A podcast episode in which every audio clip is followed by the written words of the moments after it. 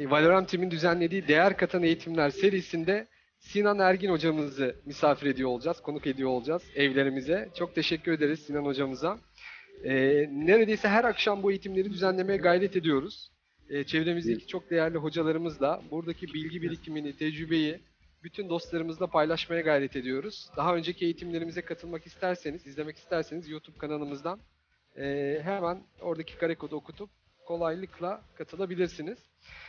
E, şimdi Sinan hocamızın e, kendisi bağlandı, mikrofonu geliyor, görüntüsü de geldi, harika. Sinan hocam hoş geldiniz. Hoş bulduk, hoş bulduk. Nasılsınız, iyi misiniz? Vallahi bomba gibi çünkü bomba gibi müzikle başlıyoruz. Vallahi life is hemen- life. Sinan Ergin deyince benim ilk aklıma gelen bu müzik oluyor hocam. Hatırlıyorum Ama- böyle yüzle, yüzlerce, Sen- binlerce kişilik eğitimlerde sahneye büyük bir coşkuyla çıktığınız o e, eğitim günlerini hatırlıyorum açıkçası böyle. Gözümün önüne geliyor. güzel Türkiye'ye gezmiştik böyle müthiş günlerde hakikaten. Evet çok çok güzeldi gerçekten. Hocam çok teşekkür ederiz. Ben şimdi tabii aslında burada sizi tanımayan yok. Türkiye'de liderlik deyince, pazarlama deyince, satış deyince e, ilk akla gelen isimlerden birisiniz. E, eğitim esnasında mutlaka anlatacaklarınız esnasında bizim aklımıza takılan size sormak istediklerimiz olabilir hocam. Onları ben de dahil bütün arkadaşlarımız not alacak. Chatten de sorabilirler. İzniniz olursa ben ara ara konuyla alakalı soruları size Çok sevinirim. yönelteyim. Bu şekilde ilerleyelim. Ee, şimdiden çok teşekkür ederiz hocam. Bizi kırmayıp geldiğiniz için çok sağ olun diyorum hocam. Buyurun. Çok teşekkürler. Öncelikle hakikaten e, Ziya kardeşimi kutluyorum yeniden. E, benim çok eski, değerli bir dostum. Hatta içimde hala bir acısı vardır. Ziya kardeşim çok yıllar önce e, ne yazık ki bize başvurmuş. Bizim aptal halimizden dolayı görememişiz böyle bir değeri o anda. E, ne yazık ki, halbuki T10-15 yıl önce tam bilmiyorum yılını ama e, ve ne yazık ki Ziya'yı kaçırmışız. Ama neyse ki daha sonralarında birçok eğitimlerde, birçok programlarda, organizasyonlarda hep buluştuk. E, müthiş bir insan. O yüzden kendisine çok çok kutluyorum. Ve ne yapsa çok başarılı olacağını kesin eminim. Çünkü müthiş bir sorumluluk bilinci, çalışkanlık var. E, inanılmaz derecede erdemli, müthiş bir insan. Hakikaten kutluyorum. Özellikle bu yeni oluşum beni çok heyecanlandırdı Ziya. Müthiş bir işe başlamışsınız. Hepinizi Çok çok kutluyorum teşekkür ederiz gerçekten. hocam. Yani Çok inanılmaz güzel bir şeye başlatıyorsunuz. E, hakikaten çok sevinçliyim burada olduğum için. Şimdi sevgili dostlar, e, yanlış bilmiyorsam hem Zoom'da hem de YouTube'da beraberiz. E, bugün öyle bir şey konuşalım ki beraberce. Bir kere hiçbir şekilde ben sizden daha bilgili, otorite ya da guru, hoca falan değilim. Hepiniz çok değerli insanlarsınız. Hayatlarınızda eminim ki çok da başarılısınızdır da birçok konularda. Bugün öyle bir şey yapalım ki gerçekten bütün hayatımıza, işimize, hayatımıza, özel hayatımıza, kendimize öyle farklı, öyle değişik bir şekilde bakalım. Öyle bir şekilde sorgulayalım ki bunun sonucunda bu yayın bittikten sonra gerçekten ve gerçekten aklınızda maksimum üç kelime kalsın ya da üç cümle.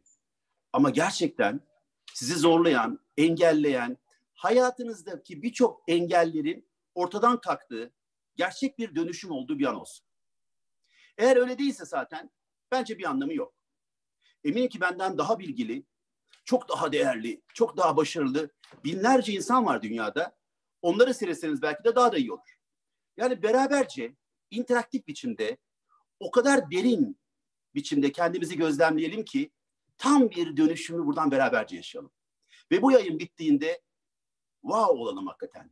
Yani bizi engelleyen, durduran, e, bağlayan zincirlerle hepsinden özgüleşmiş olalım. Tam bir değişim olsun. Bilgi ve birikim ve tecrübe çok faydalı. Ama her zaman söylemiş olduğum gibi bizi değiştirmeye, dönüştürmeye veyahut da daha başarılı hale getirmeye olanak sağlamıyor. Ayrıca bir şey daha yapalım bugün. Bütün kanallarda şunu görüyorum. Koronavirüs ne zaman bitecek? Koronavirüsten sonra ne olacak? Hiçbir şey eskisi gibi olmayacak. Her şey farklı olacak gibi birçok söylemler duyuyoruz. Ve de aşı ne zaman bulunur? Eski hayatımıza yeniden döner miyiz? Dönemez miyiz? Acaba işimizi değiştirelim mi? Yeni hayata uygun başka bir iş mi yapalım? Ee, gibi böyle birçok esasında kargaşa var. Ve herkes bütün planını şuna göre yapmış vaziyette. Koronavirüsten sonra başka bir şey olacak. O zaman ben de başka bir şey yapmalıyım. İkinci bir nokta da ya güzel günler yakın. Eminim hakikaten birkaç ay sonra hepsi bitmiş olacak. Biz gene eski hayatımıza geri döneceğiz diyorlar. Ben bunların ne olacağıyla ilgili hiç ilgilenmiyorum. Ben insanda gerçekten bir değişim oluşmadığı sürece dış dünyanın da değişmeyeceğine yüzde yüz eminim. Yani insanlar e, savaşıyorlar, birbirlerini öldürüyorlar. Savaşın kötü olduğunu anlıyorlar. Savaştan çıkıyorlar. Çok geçmiyor, yeniden savaşmaya devam ediyorlar. İnsanlar acı çekmenin, problem içinde olmanın, sıkıntı içinde olmanın, korku dolu yaşamanın çok kötü olduğunu biliyorlar ama devam ediyorlar. İnsanlar zararlı alışkanlıkların, sigara içmek gibi, alkol gibi birçok zararlı alışkanlığın kötü olduğunu görüyorlar ama devam ediyorlar. Hatta bazen hastalanıyorlar. Doktor diyor ki bak diyor bu sigaraya devam edersen diyor öleceksin diyor. Aman dikkat et. Sigarayı bırakıyor. 2-3 ay geçiyor. Doktora gidiyor. Nasıl oldum diyor. Bayağı iyi olmuşsun diyor. Hemen sigara yakıyor adamcağız. Yani inanılır gibi değil. Hakikaten olacak gibi bir şey değil. Mesela şu an Ramazan'dayız mesela.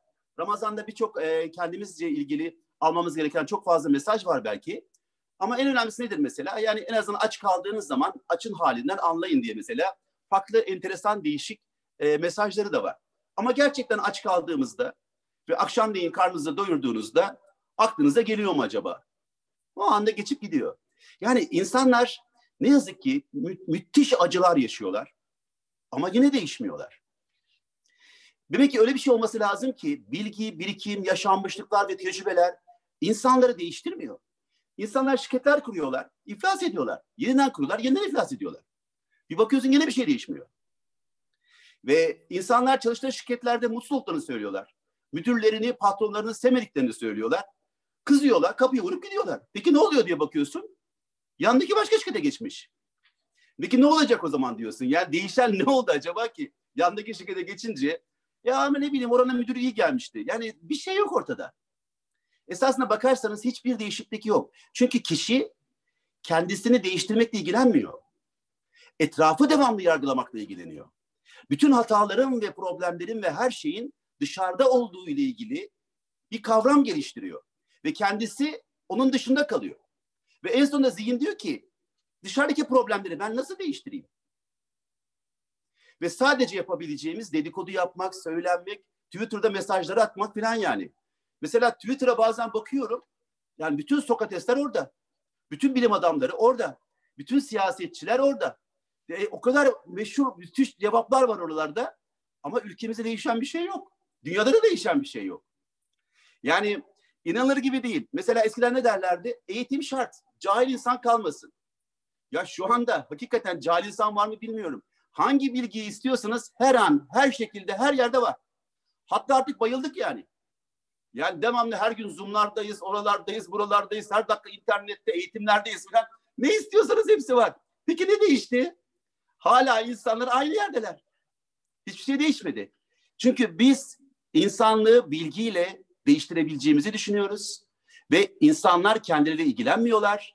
Başkalarını yargılayarak değiştireceklerini zannediyorlar. Ve dışarıdan hep bekliyorsunuz. Mesela çok önemli bir konu var. Yani özellikle ben e, Ziya kardeşimin kurmuş olduğu bu organizasyonun çok başarılı olacağını düşünüyorum. Çünkü temelinde müthiş bir özgürlük duygusu var. Ve bütün e, otoriter yapıları değiştirebileceğini düşünüyorum. Belki de kapitalizmi yıkacak Ziya yani. Hatta yıkılırken belki de son noktayı sen koyacaksın Ziya bilmiyorum ama bence çok önemli. Çünkü işin temelinde insan acaba gerçekten ne istediğini farkında mı? Kritik bir nokta var ki değişim, dönüşüm ve hayatta başarılı olmanız için birçok kıstas yok esasında. Tek bir tane kıstas var. Özgürlük esasında. Yani dünyadaki bütün e, ideolojiler, dinler, bütün temelinde esasında bunun için gelmiştir.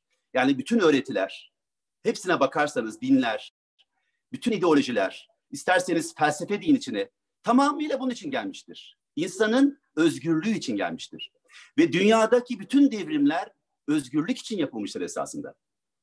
Ama bütün hepsi bunların dışarıdaki olayları değiştirmekle ilgilenmiştir. Yani Fransız devrimi dahil olmak üzere. Fransız devriminin bir özgürlük olduğunu söylüyorsunuz. Hiç alakası yok. Arkadan 8 tane daha Fransız devrimi oldu yani. Ve sadece yöneticiler değişti. İnsanlar değişti. Yani sizi yöneten kişilerin değişmiş olması özgürlük değildir yani. Ve özgür olmayan bir birey geleceğinin ne olacağını düşünüyor. Yani geleceğin ne olacağını düşünmesi şu demek. Benim ekmeğimi kim verecek? Daha fazla ekmek veren olur mu acaba bana? Ya bütün olay bununla ilgili. Başka bir şeyle ilgili değil. Yani acaba ben kendi ekmeğimi nasıl kazanabilirim? Ben kendim nasıl bir değer yaratırım diye düşen kimse yok. Bazen de özgürlüğü çok fazla girişimciyle çalışıyorum ben. Kendi şirketini kurmak zanneden birçok böyle e, zayıf ruhlar var. Kendi şirketinizi kurmanız özgür olduğunuz anlamına gelmez ki. Sadece patronu değiştiriyorsunuz yani. Eğer kendi şirketinizi kurarsanız artık müşterileriniz, çalışanlarınız, aynı zamanda bankalar, devlet hepsi sizin artık patronunuz olmaya başlayacak. Diyeceğim bir şey yok. Mesela aranızda patronlar varsa eğer telefona bakarak konuşacakmışım. Tamam öyle yapmaya çalışıyorum. Ee, Okey. Yani aranızda patronlar varsa bir baksana bakalım hakikaten kendilerine özgürler mi? Yani e, veyahut da şeyi değiştirmiştir patron.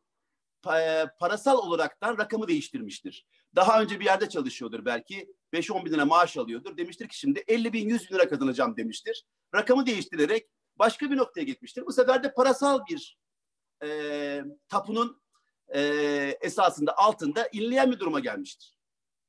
Demek ki acaba özgürlük gerçekten oluşmadığı sürece bizim herhangi bir değişimi konuşmamız mümkün değil.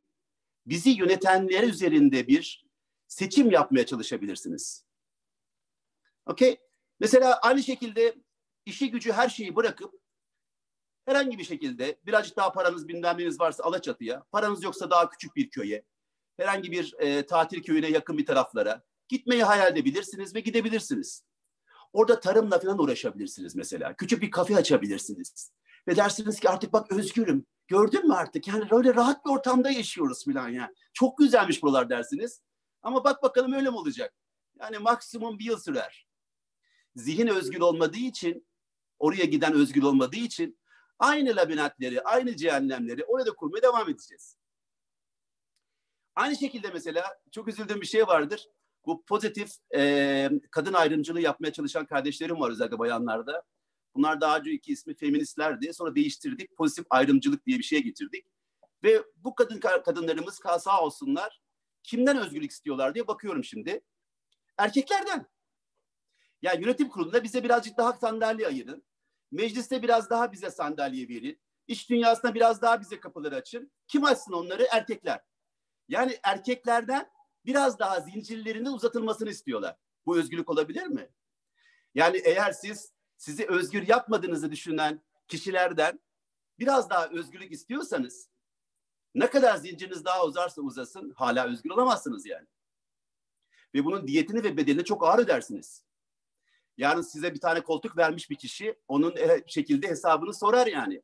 Oturduğum koltuk benim sayemde derse ne diyeceksiniz? Yani e, çok e, enteresan derecede önemli bir şey. O zaman demek ki gerçek olaraktan özgürlüğü anlamamız gerekir. E, demin Ziya ile konuşurken hani kapitalizm yıkacağız diye konuşurken kapitalizm herkes çok şikayetçi ama nedenini de bilmiyoruz esasında.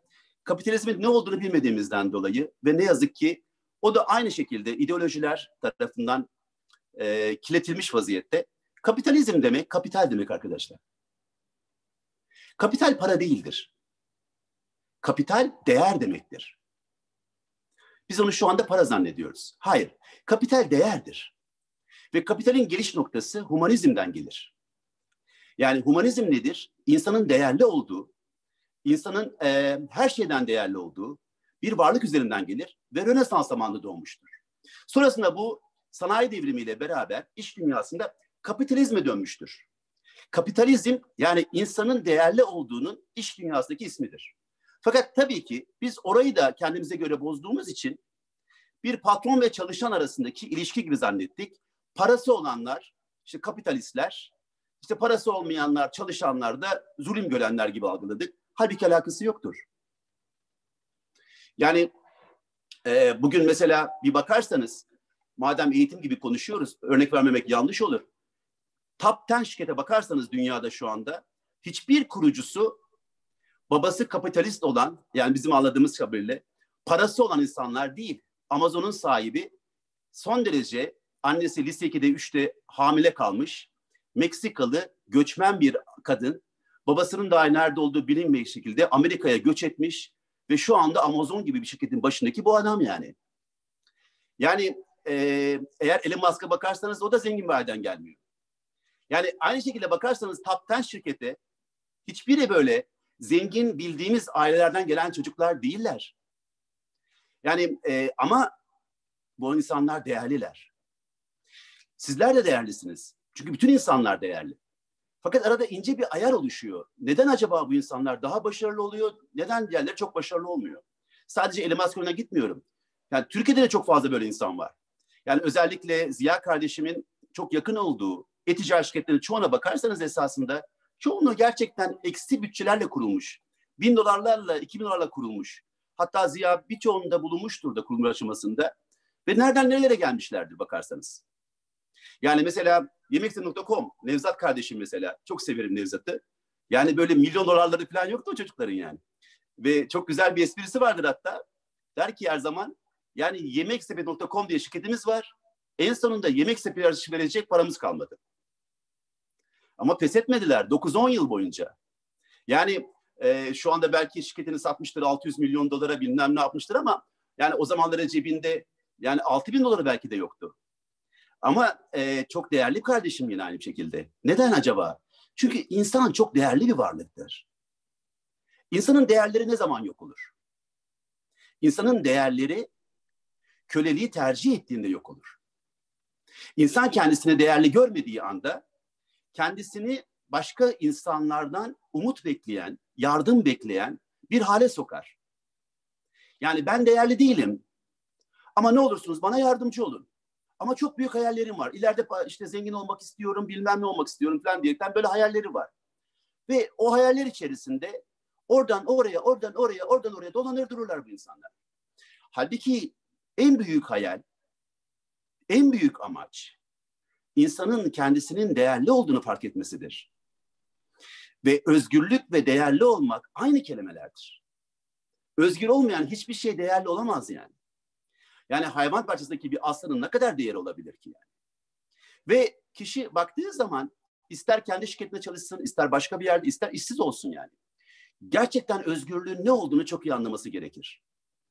Özgürlük bütün tapulardan kurtulmak demektir yani. Bütün tapulardan. Sizi onsuz yapamam dediğiniz her şeyden kurtulmak demektir. Ama bundan şu çıkmasın sakın. Ee, hani vardı ya bir zamanlar e, Porsche'un Ferrari'sini falan, Ferrari'sini satan falan böyle şeyler çıkıyor ya. Her şeyimi sattım, sıvadım da bilmem ne yaptım. Ya da böyle Gandhi gibi yaşamaya çalışanlar işte bir entari bir gömlek bilmem neyle bilmem ne yaptım. E işte artık hiçbir şekilde dünya nimetleriyle ilgilenmiyorum filan böyle saçmalıklar vardır. Dünya nimetleri ilgilenmiyorsan hemen öldür kendini. Nereye kavuşmak istiyorsan kavuş kardeşim. Ne bekliyorsun yani?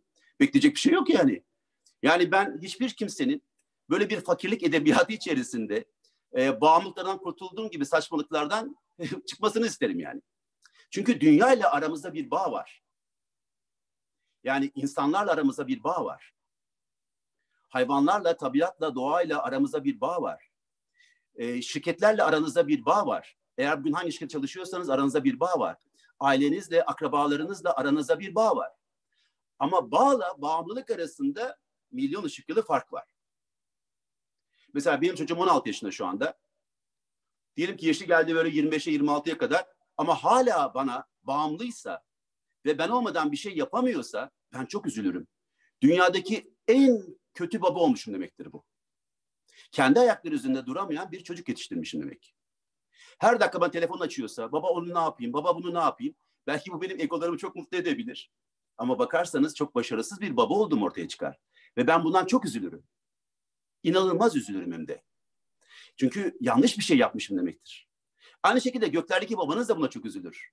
Yani insanoğlunun bu kadar akıl verdim, fikir verdim, zeka verdim, her şeyi verdim dediği varlığın zavallılık içerisinde, çaresizlik içerisinde kalmasını, her gün ağlayıp zırlamasını ve her kapıdan umut beklemesini gördüğü anda eminim ki oralarda da başka üzüntüler oluşuyordur yani. Ha o zaman bir şeyi beraberce fark etmemiz gerekir ki çok önemli bir şey. Kişinin en önemli noktası esasında özgürlüktür.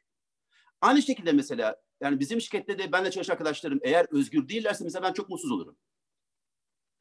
Niye? Çünkü özgür olmayan bir insan değersiz bir insandır. Değersiz bir insan değer üretemez. Sadece yalakadır o. Korktuğu için, endişeli olduğu için, işini kaybedeceği için, belki e, işte mortgage'la ne bileyim krediyle ev almıştır. Belki kredi kartı borcu vardır, geçinemiyordur.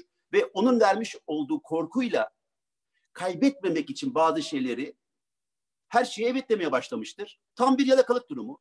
Ve böyle bir ortam içerisinde hiçbir şekilde değer çıkaramaz. Değer üretemez. Halbuki biz insanların değerli olduklarını görmüşüzdür ve her insanda bir değer olduğunu düşünmüşüzdür ve o değerin ortaya çıkmasını isteriz. Ve o değer ortaya çıkarsa o şirketinizde, toplumda, bütün dünyada, insanlık da inanılmaz derecede faydalı olur. Mesela şu Zoom'u bakın, YouTube'a bakın yani. Kim sahibi bilmiyorum ama Ziya kardeşim biliyordur. Yani Allah razı olsun ya. Müthiş adamlar bunlar yani. Bütün dünyayı bizi birleştiriyor şu anda. Hatta geçen gün bir özelliğini daha öğrendim şimdi. Translation'la yapma özelliği varmış. Yani ikinci kanala geçiyorsun, aynı zamanda dinleyebiliyorsun. Şimdi gelecek haftadan sonra Amerika'daki bazı dostlarımızla beraber onları yapmaya başlayacağız. Müthiş bir şey yani. İnanılır gibi bir şey değil. Şu an hep beraberiz yani. Olacak bir durum değil yani. Yani bu müthiş bir olay. İşte bunları var eden insanlar kesinlikle özgür insanlardır. Mesela bunu 8-10 yıl önce söylemiştim ama artık konuşmuyorum. Bizi bazen şeye çağırırlardı. Beni niye çağırdılar tam bilmiyorum ama böyle büyük şirketler inovasyon için bizi çağırırlardı. Ben de her zaman aynı şeyi söylerim. Ya kardeşim beni çağırmayın ama siz de uğraşmayın. Çünkü sizin yapılarınız buna uygun değil. Şimdi adam buraya gelecek yırtık kotuyla sen buna izin vermeyeceksin. Adam sakat 9'da işe gelmek istemeyecek sen buna izin vermeyeceksin. Yani sen kendi kuralların var, yapıların var, bilmem neyin var. Bu yapıda inovasyon falan olmaz, yaratıcılık olmaz. Çünkü sen şirketine çok değerli olduğunu düşünüyorsun.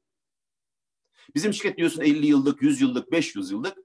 Adama değer vermiyorsun zaten.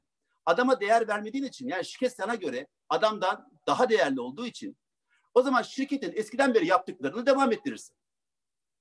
Yani bunu anlamadıkları için hiçbir zaman içinde bu işler başarılı olmaz yani. Demek ki kritik ve önemli nokta var şimdi. Şimdi ben de size soruyorum. Gerçekten özgür müsünüz? Özgür değilseniz niye buluştuk? Çünkü çok önemli bir konu bu. Aynı şekilde mesela insanın düşünceleri, bilgileri, birikimleri, tecrübeleri dediği kişiler. Yani şu an mesela beni dinlerken eski tecrübelerinizle ve birikiminizle dinliyorsanız o zaman gerçekten özgür değilsiniz. Çünkü eski düşünceleriniz, eski yapılarınız gerçekten sizi şu anda yönetiyor. Ve size şu anda gerçeği görmeniz imkansızlaşacak. Çünkü eski düşünce yapısıyla şu anki bu konuşmayı dinlediğinizde şöyle bir şey aklınıza gelebilir. Hocam senin tuzun kuru konuş bakalım. Öyle değil hayat diyebilirsiniz. Tamamen eski düşünce yapısı. Yani ba- başka bir şey değil. Ya da işte nedir? E, bekara hanım boşamak kolay gibi. Öyle değil yani. Ve kritik önemli olan nokta esasında demek ki ben acaba şu anda konuşmacıyı dinlerken özgürce dinleyebiliyor muyum? Hatta bu arada enteresan bir şey söyleyeceğim. Şu anda benim dediğiniz düşünceler sizin de değil. Yani bir yerden okuduğunuz, edindiğiniz, aldığınız düşünceler. Annenizden, babanızdan, çevrenizden, hocalarınızdan. Hatta çoğu da zamanda kızdığınız adamlar. Mesela hocanıza kızmışsınızdır ama onun sözlerini söylersiniz. Çok enteresan bir şekilde yani. Yani e, demek ki size de ait değil esasında. Benim düşüncelerim de bana ait olmayabilir. Çok önemli değil. Ama Allah'tan ben özgürüm yani. Okey? Yani düşüncelerime bağımlı değilim. Yani yarın sabah size bunun tam tersini söyleyebilirim çünkü. Ki bunu yapıyorum. Hatta bazen şey diyorlar. Hocam ama evvel hafta biz eğitimdeydik. Bize böyle söylemiştin. E diyorum ki o geçen haftaydı kardeşim. Şu anda başka bir adam var. Ne bileyim yani. Her şey değişiyor yani. Yani e, hiçbir alakası yok. O yüzden e, bir kere saçımı uzattım mesela. Baksanıza bu benim için olacak bir şey değil. Eski profesyoneldeki arkadaşlarım görüyorlar. Abi diyorlar bizim ne gareziniz vardı. Bizim hep saçımızı kestiriyordunuz. E, öyle yani. Şimdi mesela kot pantolon giyiyorum. Hatta işe gidiyorum kot pantolonla. Mümkün mü öyle bir şey yani? Olacak gibi bir şey değil. Yani e, şimdi demek ki yapı gereği insan e, kendine dahi bağlanmaması gerekir. Çünkü en büyük bağımlılık kendim dediğim varlık yani. İnsan kendinden özgür olmadığı sürece annesinin, babasının, çevresinin, toplumunun yaşamını devam ettiren bir Pinokyo'dur esasında. Ama içinde bir yerlerde devam onu kırmaya çalışan bir adam vardır. Çok enteresan bir şey yani. O yüzden acaba işin sen ve kendin nasıl canlanırsın? Birinci derecede işinin canlanabilmesi için senin canlı olman gerekir. Senin canlı olman için de zincirlerini bırakman lazım. Zincirlerin senin özgürlüğünü alıyor. Zincire bağlanmış bir adamın iş hayatı nasıl başarılı olabilir ki? İmkansız. Yani ancak zincirinizin uzunluğu kadar başarılı olursunuz. Ve sadece orada başarılı olabilirsiniz. Yani 5 metrelik bir zincire bağlıysan eğer, sen sadece 5 metrelik zincirde başarılı olursun. Gide gele aynı yerde gittiğin geldiğin için en sonunda da zaten enerjin de biter. Aman abi bayıldım dersin. Hayvanat bahçesindeki aslan gibi bütün gün böyle oturursun abi. Arasına yemek yersin, arasına durursun işte. Birisi oradan fıstık atar, okey dersin filan. Çünkü sadece zincirdir. Sonra belki birisi gelir, der ki ya şu aslanın da zincirini 5 metreden ben bir 50 metreye çıkarayım ya. Vay dersin böyle.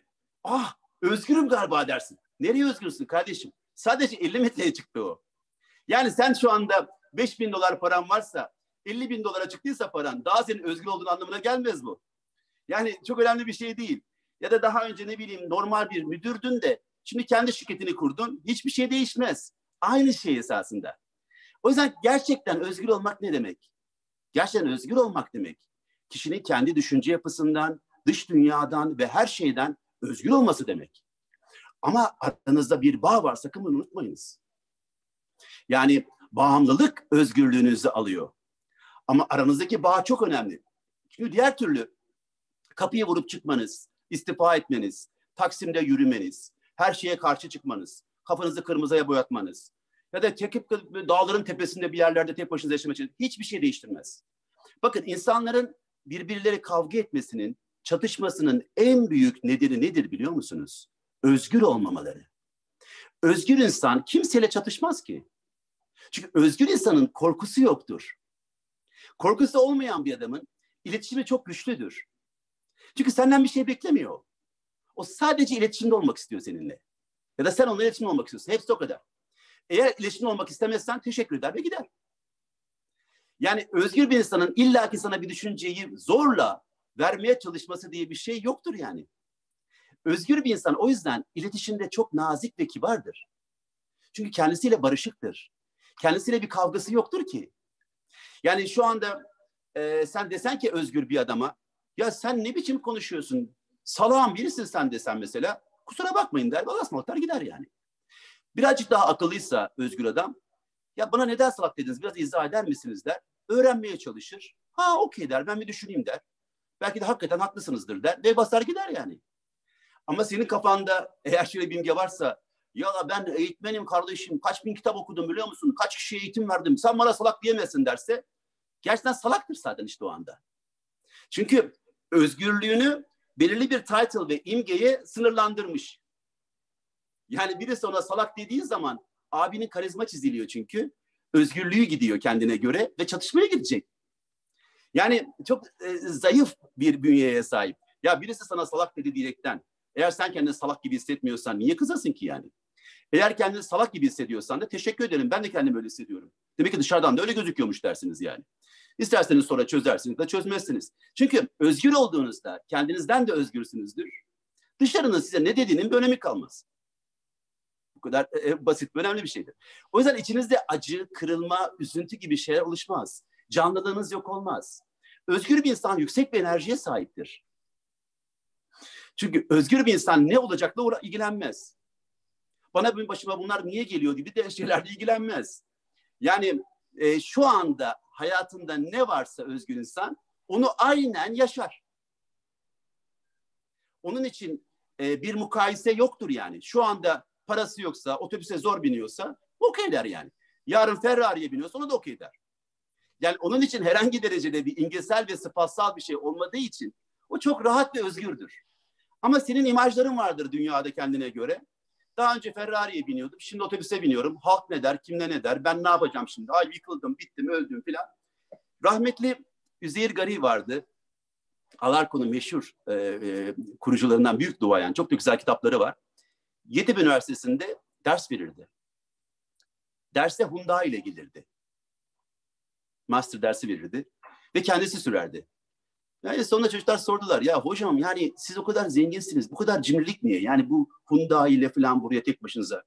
Çocuklar dedi bende Cadillac da var Mercedes de. Ama onlar dedi benim iş yaptığım müşteriler için var. Yani onlarla iş yapmak için onlar için aldım onları. Ama kendim için bu araba çok güzel dedi yani. Küçük, rahat kullanıyorum ve keyif alıyorum. Yani kendim için bunu aldım. Ama müşterilerim için o Cadillac onların ihtiyacı olduğu için onlar için aldım derdi. Yani kendince çok güzel bir şeyi var.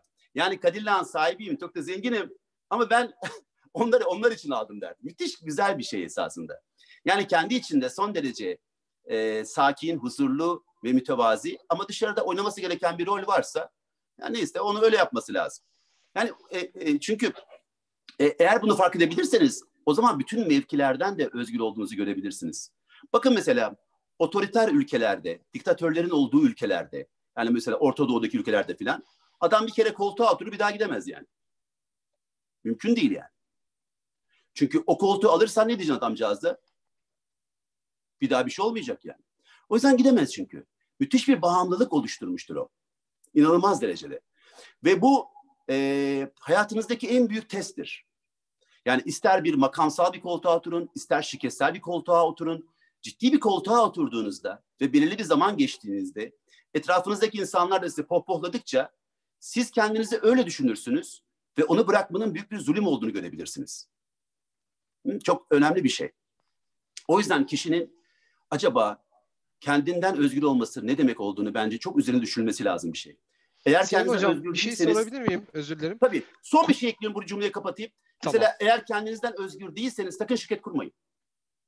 Çünkü girişimci olduğunuzda bir gün zenginsinizdir, bir gün fakirsinizdir.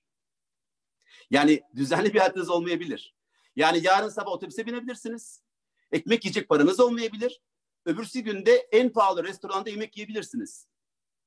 Yani buna çok hazırlıklı olmanız gerekir. Eğer bunu algılayamadıysanız sakın ola ki kendi işinize girmeyiniz çok tehlikeli bir noktada karşılaşırsınız. Yani çünkü e, bütün sorumluluk size aittir. Düzenli bir maaş yoktur. Düzenli bir şey yoktur. Herhangi bir durum yoktur. Ve sizin yapmanız gerekenler de vardır. Yüksek bir sorumluluk bilinci. O yüzden çok değişken bir tablo içinde olursunuz. O değişken tablo içerisindeki o imgelere, koltuklara, sıfatlara takılırsanız başarılı bir girişimci ve iş adamı da olamazsınız. Bu bence çok önemli bir konu yani. Ziya'cığım pardon sözünü kestim. Estağfurullah hocam. E, kurumsal hayatta çalışan, birileri için çalışan biri özgür olabilir mi? E, özgür olmak için e, kendi işimizi mi yapmamız lazım ya da e, kendi işimizi yaptıktan sonra mı özgür olacağız? Özgür olunca mı kendi işimizi yapacağız? Orayı biraz açabilir misiniz hocam? Tabii. Ee, biraz önce esasında izah etmeye çalıştım ama bir daha soruda bence çok önemli. Çünkü bazen yanlış algılanıyor. Çünkü ben kendi işimi yaptığım için esasında. Belki ondan yanlış algılanabilir. İster kendi işinizi yapın, ister bir yerde çalışın. Özgür olamayabilirsiniz.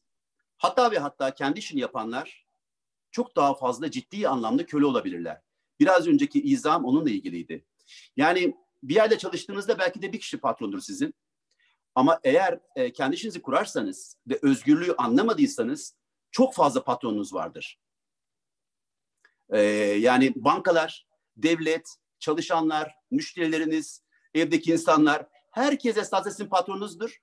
Ve siz kendinizi patron zannedersiniz ama esasında onlar için çalışıyorsunuzdur. Yani çok net biçimde esasında. O yüzden e, gerçek özgürlük değerinizi ortaya koyup koyamadığınızla ilgili bir şeydir. Yani siz ister çalıştığınız şirkette, ister kendi işinizde bir değer katıyor musunuz? Kritik ve önemli nokta burası. Değer katabilmeniz için içsel bir özgürlüğünüzün olması gerekir. Dışsal değil. İçsel bir özgürlük. Düşüncelerinizden, korkularınızdan, endişelerinizden, bağımlılıklarınızdan özgür olmanız gerekir. Özgür olduğunuzda inovasyon başlar, yaratıcılık başlar. In, now, action. İçeriden şimdi action demektir inovasyon. Yani ancak özgür olduğunuzda sizin müthiş ışığınız üzerindeki her şey kalkar. Işık ortaya çıkar. Yaratıcılığınız ortaya çıkar. O yaratıcılığın olduğu yer müthiş bir değer katmaya başlar. Ve bakın burası son derece etkili ve önemli bir noktaya geliyorum esasında. Yani ileride ne olacak diye söylüyorsanız değer olan insanlar kendini değerli görmeyen insanlar diye iki tip insan oluşacak. Ve kendini değerli gören insanlar, bunu sakın narsizm, egoizmle karıştırmayınız. Kendini değerli gören insanların devamlı bir değer üretmek üzerine gittiğini göreceksiniz. Yani devamlı bir değer üretmeye çalışacaklar. Firmaları için, işleri için, insanlık için, hayat için hiç önemli değil. Ama devamlı bir şey üretmeye başlayacaklar. Kendini değerli görmeyenler ise çok büyük bir ihtimalle devletin desteğiyle e, bir yerlerde takılacaklar. Çünkü onlar için herhangi bir iş de yok artık. Çünkü robotlar ve yapay zeka zaten oraya alacağı için yani kendini değerli görmeyen kardeşlerim ben ne yapabilirim ki diyen kardeşlerime herhangi bir ekmek olmayacak. O yüzden kritik önemli olan nokta ister kendi işinizi yapın, ister bir yerde çalışın ya da hiç çalışmayın. Hiç önemli değil. Ama kritik önemli olan nokta özgür olmadığınız sürece değer kavramını algılayamayacaksınız. Neye bağımlıysanız şirketinize, paraya ya da mevkiye siz değersizsiniz artık. Onlar değerli. Bilmiyorum fark ettiniz mi? O yüzden kritik ve önemli olan nokta sizin bir değer katmanızdır. Yani siz eğer rutin bir iş yapıyorsanız şu anda genel müdür dahi olabilirsiniz. Rutin bir iş yapıyorsanız eğer siz değersizsiniz. Ve yarın için artık işsizsiniz. İster kendi işinizi yapmaya çalışın. Kendi işinizi yapmaya çalışırsanız zaten büyük bir ihtimalle büyük iflas edeceksiniz. Çünkü değer üretemeyeceğiniz için rutini koruyan bir yapıda olduğunuzdan dolayı zaten bakmamanız mümkün değil. Değerli olduğunu, değer üretebilmeniz için de değerli olduğunuzu görmeniz gerekir. Ve gerçek size para yapacak da budur. Yani parayı, mevkiyi ve her şeyi. O zaman anlarsınız ki kazandığınız bütün paralar, bütün mevkiler sizin değerli yapınızdan çıktığı için yarın hepsini kaybetseniz bile kendinizi kaybetmediğiniz için yeniden bir değer üretebilirsiniz. Bakın bir örnek vereyim. Kaç yıl önce de bilmiyorum. Elon Musk Türkiye'ye geldi. Ve böyle içimden dualar okudum, yalvardım yani. Tayyip Bey'le görüşmeye geldi çünkü. Dedim ki Tayyip Bey Elon Musk'ı al. Ne sattığını alma. Eğer Elon Musk'ı alabilsen dese ki mesela şimdi ya Tayyip Bey'le müthiş bir görüşme yaptık. Küçük bir silikon vadisini İzmir'e kurmaya karar verdik. Hocam bir daha dolar krizi yaşamazsınız. Bakın çok önemli bir şey. Ama Musk bugün bize çıkarsa bir 100 milyar dolar verse merak etmeyin. iki yıl sonra yine dolar krizi yaşarız. Yani hiçbir şey değişmez. Bakın demek istediğimi anlatabiliyor muyum? Yani çok çok basit. Bugün çok basit bir şekilde yani bunu görebilmemiz lazım. O değeri yaratan adamlar. Mesela bakın şimdi Apple çok büyük şirket görüyorsunuz. Ama değerli bir yönetici yok. Çünkü bir şey üretemiyorlar. Eskiyi devam ettirebiliyorlar görüyorsunuz. Yani çok enteresan bir şey. Demek ki kritik önemli nokta. Ülkemizde de öyle. Kimse bana kızmasın. Koç Holding, Sabancı Holding. Yok hocam yok. Eczacıbaşı yok. Niye yok? Çünkü değerli insanlar üretmiyoruz. Yani şirketin mekanizmasını devam ettiren insanlar üretiyoruz. Şirketin mekanizmasını devam ettiren insanlar da bugünü sadece ancak devam ettirebiliyorlar. Ama yarın devam ettiremiyorlar. O yüzden gençler şu anda Türkiye'nin top 10 şirketinde çalışmak istemiyor. Çünkü değer yani bir şeyini koymak istiyor ya. Bir şey üretmek istiyor. Bir şey var etmek istiyor. Bu çok önemli bir şey. O yüzden bunu fark edebilirsek bence son derece etkili ve e, önemli yani. E, demek ki bir şeyi fark ediyorum ki nerede olursanız olun, ister kendi işiniz ister başka bir yer. Siz değerli misiniz? Değerli olabilmeniz için özgür olmanız gerekir. Ve özgür müsünüz? Eğer bu kavramlar yoksa e, bütün konuşmalar boş olur. Çünkü bilgi ve birikim, ya sizdeki bilgi ne işe yarar, bendeki bilgi ne işe yarar? Yani Google'dan daha fazla bilgiye sahip misiniz? Aranızda var mı öyle birisi mesela? Öyle bir bilgiye sahipseniz hafızan o kadar güçlü mü? Yani tık hemen hatırlayabiliyor musunuz hepsini? İmkansız. Yani demek ki senden daha bilgili koca bir internet dünyası var şu anda. E sendeki bilgiyi ben ne yapayım yani? Hiçbir işe yaramaz yani. Anlatabiliyor muyum? Yani e, çok önemli değil. Her yerde bilgi var. Demek ki bilgiyi kullanabilecek kapasitede olmanız gerekir. Bilgiyi kullanabilecek kapasite de özgür bir zihinden gelir. Eğer sizin zihninizden özgür değilseniz kendi zihninizden o bilgiyi kullanamazsınız. Göremezsiniz bile. Çünkü zihninizdeki bilgi kadar bir bilgi ararsınız. O yüzden de genellikle ne yazık ki internet en çok kullanılan mecrası neresi? Seks ve kumar. En çok kullanan hala iki tane bu.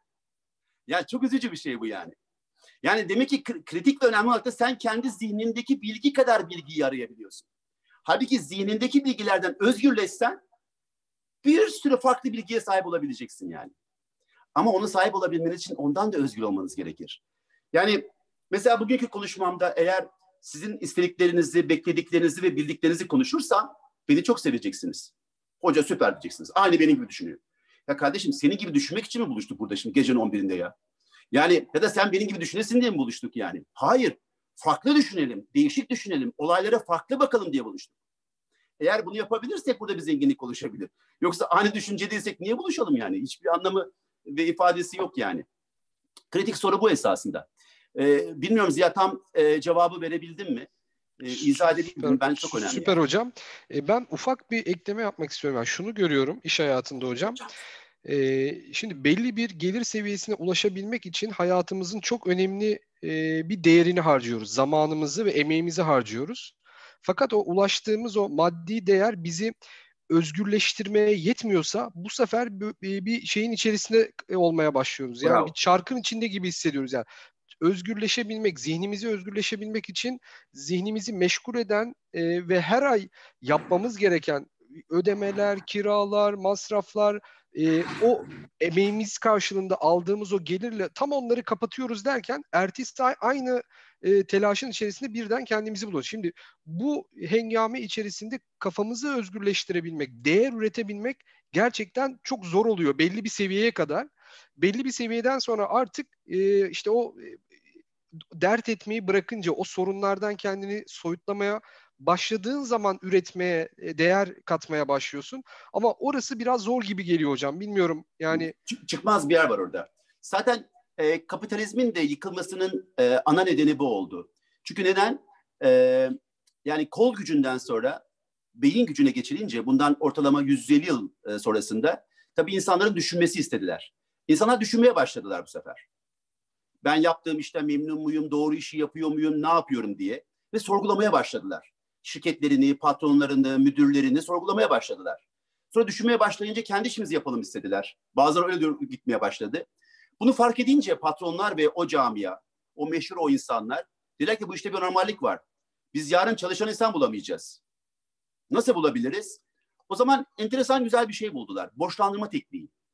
Bugün Amerika'daki oran 1'e 12'dir mesela. Yani kapitalist oranlarda ülkelerde 1'e 12 bir oran vardır. Yani siz 1000 dolar kazanıyorsanız 12 bin dolar borcunuz olması gerekir. Bu şu demektir siz bir yıl boyunca çalışmak zorundasınız ayrılamazsınız. Ve o yüzden mesela Amerika şu anda Trump niye bağırıyor? Çünkü bir Amerikalı yani çok zengin görürsünüz Amerika ülkesini ama hayır tamam boştur. Evleri boştur, arabalar boştur, yaşantısı boştur, sigortaları boştur. Yani bir Amerikalı adam ayda 20-25 bin dolar maaş dahi kazansa, iki ay çalışmazsa eğer, iki ay çalışmazsa oturduğu evde dahi oturamaz. İmkanı yok yani. O yüzden de sistem devamlı olaraktan Ziya'nın bahsetmiş olduğu gibi sizi çalıştırır. Bunun en güzel sistemi de kredi kartlarıdır zaten. Mesela kredi kartının e, bu şeyi de çok enteresandır. Cebinizden bugün para çıkarıp da mesela bin liraya bir ayakkabı alamazsınız. Böyle saymaya başlayın o parayı. Bir dursun dersin, bir düşüneyim bakayım dersin yani. Ama kredi kartını verip de 8 taksit yapılınca orada ortada para yok, bir şey dokunmuyorsun, görmüyorsun. E, müthiş derece tablo gider. Mesela çok güzel bir Yahudi dostum vardı. Sinancım derdi ödemelerini gözünü seveyim bankadan yapma. Nasıl yapayım abi? Parayı sayarak ödemeyi yap. Bak o zaman nasıl oluyor derdi. Çünkü sen bankada giriyorsun böyle. Hadi hadi gönderdim oralara diyorsun. Çünkü ortada dokunduğun bir şey yok. Yani bunu daha sonra ne yazık ki gazinolarda fark etti kumarhaneler. Siz kumarhane gittiğiniz zaman parayla oynamazsınız yani. Orada size fiş verirler. Sen de böyle fiş atarsın yani. Ama cebinden parayı çıkarıp koymak başka bir e, nüstan oluşturur.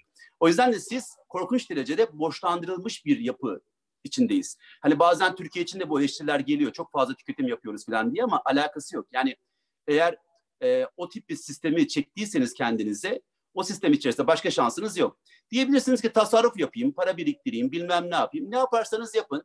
Tasarruf yapıyor ve para biriktiriyor olmanız esasında özgürlüğünüzü tamamıyla bırakmanız demek. Sadece gelecekte 60 yaşından sonra belki özgür olurum deyip bir hayal kuruyorsunuz. Yani bir ev sahibi olayım, bir 15 yıl dişimi sıkayım yani. Tamam ne yapalım herkesin kölesi olalım yani. E sonra da bir 15 yıl daha sıkayım. E, geleceğimiz için biraz para biriktirelim. Değil mi? Çocuk mocuk falan da var. Böylece 30-35 yılımızı para biriktirerek, borçlarla ev alarak, bilmem ne yaparak geçirmeye çalışırsınız. 60 yaşına gelince zaten artık yaşanacak haliniz kalmamış vaziyette. Yani o ev içinde çocuklar kavga ederler. Evi bana mı verecektin, abime verecektin, ama vermedim falan. Anne baba kavga görüştü bilmem ne. Yani büyük bir problem içine girersiniz. Bakın e, geçen hafta bir haber okudum. Çok hoşuma gitti Elon Musk'tan. E, ki ben bu tip haberlerin daha da çoğalacağını e, düşünüyorum. Elon Musk bütün mal varlığını sattı. Parası olmadığı için değil. Yani e, sahip olmayı bırakma kararı aldı. Yani mal varlığına sahip olmayı bırakma kararı aldı. Yani bu bence çok e, önemli bir kavram. Gençler zaten şu anda öyle geliyorlar. Yani ileride e, araba sahibi olayım, ev sahibi olayım, yazlık sahibi olayım gibi saçmalıklarla uğraşmayacaklar yani. Yani bunlarla uğraşmak son derece e, yanlış, üzücü kavramlar ve bunlar için insanların harcamış olduğu bedeller çok ağır. O yüzden yani zaman içerisinde bunları çok daha fazla görmüş olacağız. Sahip olmak çünkü sizi değerli yaptığını zannediyordunuz. Yani lüks bir arabanızın olması, lüks bir evinizin olması, bunların sizi değerli yaptığını ve insanların sizi çok daha şey karşılayacaklarını zannediyorsunuz. Çünkü değeriniz göstermiş olduğunuz mal mülkle ilgiliydi. Ve buna prim veriliyordu. Şimdiki değer nedir mesela? Bizim gençlerden geliyor mesela daha çok. Kaç kişi takip ediyor seni? Aa baba seni bir kişi takip ediyor ya çok kötü be bu. Ya ben değersizim yani öyle yani işte eziksin baba öyle yani. O zaman diyorum ki en değerli kim? Yeni dünya düzeninde Kardashian. Ve Kardashian'ın bütün ailesi. Çünkü hepsi böyle 150 milyon, 200 milyon falan insanlar takip ediyor yani. Ya bir yani 150 milyon kişi Kardashian'ı takip ediyorsa lütfen kimse beni takip etmesin yani. Yani nasıl takip ediyorsun kardeşleri kardeşim? Bir de şey bir adam var ya neydi Tuba ismi? Artist var ya bir tane postulu güçlü. İyi bir artist esas. Ha? Drak değil hayır. Dwayne Johnson. Dwayne Johnson, Dwayne Johnson. İşte Dwayne Johnson iyi bir artist ama fena değil. Puzzle'ları güçlü falan. Abi 150 milyon kişi takip ediyor. Ya mesela bir insan Dwayne Johnson'ı niye takip eder yani? Acaba bugün puzzle daha mı gelişti? Bugün ne yemek yedi falan mı acaba? Ve bunların daha değerli olduğunu gösterdiğimiz için şu anda da böyle bir toplum oluştu. İşte YouTuber olayım abi, bir günde köşeye döneyim. Oradan bana para gelsin. Ben hiç çalışmayayım abi, YouTube'dan bana para gelsin. Falan hani böyle saçma sapan. Bu sefer de e, başka bir yerin köleliği. Bakın e, yeni bir kavram e, üzerinde e, bir şey söyledim geçen gün. Hatta bugün şeyde de söyledim. Yeni bir rönesans oluyor. E, daha önce 1500 yıllarda Medici ailesinin başlatmış olduğu o müthiş rönesans hiç kan dökmeden, hiç kan dökmeden sanatla toplumu, insanları birleştirerek müthiş derecede bir rönesans yaptılar. Eğer o rönesans olmasaydı Avrupa bu kadar şu anda gelişmiş olamazdı yani. Ondan öncesi biz çok daha gelişmiş bir durumdaydık. Hatta Ortadoğu'nun tamamı, Hindistan'dan devamı. Fakat şu anda yeni bir rönesans yaşıyoruz. Bu rönesans teknolojik bir rönesans. Yani teknoloji bütün değerlerimizi tamamıyla attı. Yani şu anda Elon Musk'la yazışabilirsiniz. Yani Rahmi Koç'la arkadaş olabilirsiniz. Hiç problem yok yani. Suzan Sabancı'ya mesaj atabilirsiniz. Yani şu anda inanılmaz şeyiniz var. İstiyorsanız yayına başlayabilirsiniz. Kendi kanalınızı kurabilirsiniz. İstediğin yayını yapabilirsiniz. İnanılmaz teknolojinin yaratmış olduğu ve herkesin kullanabileceği, bakın parası olanların değil. Parası olanların değil. Bakın devrimi fark ediyor musunuz bilmiyorum. Yani hatta bir esprim vardır benim. İyi ki diyorum Facebook'u, interneti falan bana vermemişler. Ben çünkü eski kafayım. Şunu düşünürdüm. Herkesten bir dolar alsak, düşünsene abi şimdi bir milyar kişi girse bir milyar dolar. Vay anasını. Hatta bir ile kalmaz da sonra iki mi alsak acaba? Bunlar bunu bedava verdiler. Yani bütün hepsi bedava verildi. Yani e, çok önemli bir şey. Yani ileride bilgisayarlarınız, telefonlarınız da bedava verilecek. Bakmayın yani. Yani hem de bir limit olmadan. Çünkü kritik nokta nedir? Teknoloji esasında fakir zengin ayrımı yapmadan herkesi ortak platformda buluşturabiliyor. Bu gerçekten bir rönesans ve devrimdir arkadaşlar. Ancak teknolojiye de bağımlı olmamanız gerekir. Yeni bir bağımlılık yaratmayalım. Bu çok önemli bir konu. Yani özellikle gençler konusunda çok dikkat etmemiz lazım burada. Teknoloji bir araçtır ama amaç değildir. Yani siz değerlisiniz, oraya bir değer katmanız gerekir ki orası çok ciddi biçimde o değerle aydınlansın ve gelişsin. O yüzden kritik ve önemli olan nokta yani teknolojiyi kullanmamız, teknoloji o konusunda bir rönesans, devrimsel bir duruştur yani bu. Son derece önemli yani. Mesela geçen gün birini okudum böyle, bıktık bu Zoom'dan diyor yani. Bıktık kardeşim bu eğitimlerden. Niye abi ne yapacaktın? Starbucks'a gidip kahve mi içecektin boş boş oturup? Onu bunu mu çekiştirecektin? Gayet güzel bir şey var burada. Mesela oğlan bizim her gün şimdi internetten okula gitmiyorlar. Müthiş derecede Zoom değil de başka bir sistem kullanıyorlar. Abi müthiş bir olay. Çocuk sabahın yedisinde kalkıp okula gitmeye çalışıyordu yani. Bizim mesela ofisteki arkadaşlar şimdi müthiş güzel abi evden çalışıyorlar. İstiyorsa çıksın ofise gidebilirler yani. İstemiyorsa gitmeyebilirler. Müthiş bir olay. Ben bunu 15 yıldan beri yapmaya çalıştım. Ofisi kapattım. Dedim ki evden çalışalım ya. Haftada iki defa falan buluşalım.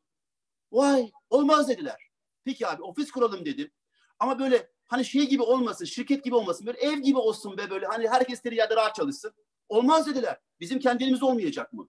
Tam bir yani şey Eski insan düşüncesi yani. Kendisinin yerini istiyor ya. Kümes gibi bir şeye içine girecek ya. Workstation var ya alışmışlar ona böyle. Hani orada kendi her şeyi. Yani böyle hayvanlardan kalma bir şey. Hani hayvan şey yapar ya kendini belirtmek için böyle oraya buraya çişini yapar. Burası benim bölgem. Kimse giremez. Ne bölgesi? Bir tane masa bir tane telefon var. Bir şey yok başka yani. Yani hani ne yazık ki yapamadılar. Fakat şimdi yani ne yazık ki konudan dolayı herkes bunu görmeye başladı. Ama zaman çok kısa oldu. Yani eğer bir Haziran'da her taraf serbest kalırsa bu iş oturmayacak. Yani çünkü tam bir alışkanlığa dönmedi. Yani biz sosyal life'ımızla, hayatımızla e, çalışma şeklimizi, her şeyimizi birleştiren yeni bir noktaya geçmemiz lazım. Mesela yıllardır söylüyorum teknoloji çok gelişti ama insanlar teknolojiyi kullanmıyorlar. Yani e, teknoloji eskiden e, profesyonel çalışırken arkadaşlar hep laptop isterlerdi bundan 15-20 yıl önce. Tabii o zamanlar laptoplar çok pahalı. E, alalım mı almayalım mı? O zaman güzel bir şey bulmuştum. Yani bilgisayarsa bunun ismi içinde bir bilgi olması lazım. Ki sana saysın ve versin. İçinde bilgi yoksa laptopa niye ihtiyacın var? Hiçbir anlamı yok. O yüzden şu anda da aynı şekilde geçerli. Bilgi var ama o bilgiyi görmek isteyen insan yok. O zaman yine bir anlamı yok. O yüzden kritik ve önemli olan nokta teknoloji müthiş bir devrim yaratıyor. Ve hayatınızda başarılı olmak istiyorsanız iş dünyasında ikinci sebebi söylemiş olayım. Bir, özgürlük. iki bütünleştirmeniz lazım, birleştirmeniz lazım. Ne kadar çok insanı birleştirebilirseniz, Ziya kardeşimin yapmış olduğu gibi şimdi, ne kadar çok insanı birleştirebilirseniz ve birleşen bu insanlar ne kadar büyük bir dünyaya açılabilirlerse işte o zenginlik. O yüzden hani Ziya da çok iyi bilir. Hani PNL'e bakılmadan yani kar zarar bilançosuna bakılmadan şirketler çok büyük yatırımlar alıyorlar. Almalarının tek nedeni yani onların ulaşabilecekleri insan tablosuna bakmaya çalışıyorlar. Yani mesela hani yemek sepeti 600 bin lira satıldığı zaman abi nasıl ortada fabrika yok adamın restoran bile yok. Kardeşim adamda müthiş bir ağ var. Müthiş bir ağ var yani. Yani o ağa o gelişecek ağa o parayı veriyor insanlar. Şirketin kar zarar bilançosuna bakmasına gerek yok. Demek ki bir şey anlamamız gerekir ki teknoloji başka bir şey kazandıracak size. Bütün dünyaya yayılmanızı sağlayacak. Ve müthiş bir araç bu. Yani siz ne kadar insanı birleştirebilirseniz o kadar büyük başarı var. Geçen gün mesela bir emlak deviyle Türkiye'deki konuştum. Ve çoğu e, ofislerine geri dönmek istiyorlar. Hatta döndüler de şimdi. Ya niye dedim ofise geri dönüyorsunuz? Ne yapmak istiyorsunuz ofislerde? Yazık günah değil mi? O kadar kira veriyorsun, para veriyorsun. Beş kişi bütün gün orada oturacaksınız böyle. Müşteri gelsin bekleyeceksiniz. Telefon açacaksınız. Ya müşteriler şu anda cep telefonundalar. Cep telefonu bütün gün konuşuyorlar. Müşteri bütün gün orada. Ama sen orada değilsin. Çok e, e, enteresan bir olay. Yani sen hala orada ufak tefek reklamlar vererek bilmem ne yapmaya çalışıyorsun. Bakın girin mesela bugün gayrimenkul almaya. Adam böyle çirkin çirkin resimleri koymuş böyle oraya. Oradan senin onu bakıp öyle evi beğenip almanı falan bekliyor. Kardeşim bunun artık canlı gezintileri var, 3 gezintileri var. Adam içinde yaşıyor ve kardeşim artık evin içine girip. Ya bunları hiçbirini kullanmak istemiyorsun. Çünkü eski kafa. Çünkü onlar girince o adama yer yok. Çünkü adamın kafası eski. Şimdi hocam ben ki bir şey 10 yıl önce 10 yıl önce sinema salonundaki bir eğitimde tanımıştım sizi hocam ilk. Aa, satış okulu müthiş. Evet müthişti yani. 10 yıl önce şu anda olmayan bir vizyonla müthiş bir hareket başlatmıştınız o tarihte hocam. Süper hakikaten. Ve e, o sayede bütün mal varlığımı kaybetmiştim. Şaka değil doğru hakikaten. E, en sonunda oturduğum evi de satmıştım. E, o da yetmedi. Allah'tan o sırada Garanti Bankası geldi. İsmi sonradan Bonus Akademi oldu. Dedi ki bu, bu proje çok iyiymiş. Çocukların da parası kalmadı artık. Valla 4-5 tane ev sattım. Bütün paramı verdim. Bankadan kredi çektim. Yani e, Allah'tan eşim çok e, anlayışlı bir kadın. E, devamlı izin verdi. En son oturduğumuz evi de satınca e, okey ne yapalım falan dedi kadıncağız böyle. Ama müthiş projeydi. Yani sinema salonlarında canlı yayında yani 25 vilayette e, eğitim vermekti amacım. E, tabii ki ben buna çok e, şey yapıyordum çünkü 60 tane şirket var. E, sponsorlar ama bizdeki ego boyutlarda para mara almıyoruz. Sadece girenlerin işe girsinler diye orada. Fakat 25 kişiyi zor bulmuştuk. İlk konferansta 25 tane şehir. yani Öyle en son e, evi satacağım dediğim zaman eşim niye satacağız dedi. Reklam vereceğiz dedik yani. Düşünebiliyor musun? Oturduğun en son evi satıyorsun reklam vermek için. Yani deli miyiz, akıllı mıyız tam bilmiyorum ama müthiş bir proje olmuştu gerçekten. Sonra 40 binlerce, 50 binlerce genç oradan hakikaten eğitim aldı. Ve Ziya kardeşimle ilk defa orada e, buluşmuşuz. Ki ben o zamanları da hep aynı şeyi söylemiştim. Tabii o zamanları internet kadar güçlü değildi. Dijitürk'ten bir tane kanal kiralamıştım. Ve sinema salonları da saat 8'de 11 arası boş. Ee, oradan bu yayını yapmakla ilgili. Herkes tabii kimse bana güldü. Hocam sinema salonunda orada nasıl canlı olacak? Zeki Müren bizi görecek mi filan. Sonra onu da yaptım esasında. Zeki Müren gördü onları. Hocam Yani- soru bile soruyorduk ya değil mi? canım soru soruyoruz. şey Canlı. Böyle bağlanıyordu, kameramanlar vardı. yani. Ve çıkınca da işine giriyor insanlar. Ve yani çok enteresan hakikaten. Ama işte e, o, o zamanları bunu hazırlayana kadar böyle canımız çıkıyordu gerçekten. Ama müthiş bir projeydi hakikaten ya. Çok güzel bir projeydi sonradan. Hatta sonra devam eder diye çok seviniyordum. E, sevgili dostum Ali Sabancı şeyi aldılar. Mars grubunu aldı. E, İş Bankası ile beraber. Dedim ki uçtum şimdi. Allah daha büyük sponsor geliyor. E, Ali dedi ki bende problem yok Sinancığım tabii devam ederiz dedi. Gittik İş Bankası'na. Olmaz dedi. Niye olmaz dedim ya. E daha önce bunu Garanti Bankası'na yapmışsınız. Ya ne oluyor yani dedim ondan sonra. Olmaz. Onların yaptığı projeyi yaparsak e, bizim karizmamız ne olur dediler. İyi peki dedik o zaman yani. Yani ondan sonra böyle bir komik bir noktaya gelmişti hakikaten. Çok e, güzel bir konuydu. Eğer sorularımız varsa böyle interaktif devam edebiliriz. Peki ben sorular geldikçe size iletiyor olacağım hocam. Okey. Ee, şimdi teknolojiyle alakalı sorular geldi az önce teknolojiye değinince hocam. Bu teknoloji geliştikçe acaba insanlar yalnızlaşacak mı diye bir soru var hocam. Ee, yok, iletişimimiz değişecek. Bakın şu anda e, burada 100 kişiyiz e, ama aynı zamanda YouTube'da kaç kişiyiz tam bilmiyorum. E, ama e, yüzlerce insan şu anda buluşmuş vaziyetteyiz. Yani o yüzden e, yanlış anlaşılacağımızı hiç düşünmüyorum. E, mesela bizim oğlanlar oyun oynuyorlar. Aynı anda 14-15 arkadaşı var ve çoğu Türkiye'den değil. Başka başka yerlerden beraber oyun oynuyorlar. Birbirlerine bağırıyorlar, kızıyorlar. Belki de e, iletişim tarzlarımızda bazı farklılıklar olacaktır tabii ki. E, ama insan eğer özgürlüğü anladığı gibi tek başına kalmanın da keyfini anlaması lazım. Yani insan kendi kendinden sıkılmaması lazım. Kendinden keyif alabilmesi lazım. Eğer insan kendinden keyif almayı öğrenebilirse ve tek başınanın güzelliğini fark edebilirse yeni bir şey ortaya çıkacak. Ee, tek başına kalmakla yalnız olmak arasında çok büyük fark var. Yalnızlık birileriyle görüşmek istiyorsunuz ama ne yazık ki kimse sizinle görüşmüyor ya da görüşemiyorsunuz. Ama tek başına olmak demek birileriyle görüşebilirsiniz ve çok mutlu olursunuz. Ama görüşmeseniz de çok mutlu olursunuz. Bu çok önemli bir şey. Yani mesela insan eğer kendisini çok seviyorsa e ne olacak şimdi evde kaldığınız diye niye sıkılıyorsunuz ki yani? Dünyadaki en değerli varlıkla berabersiniz kardeşim. Nasıl sıkılabilirsin yani?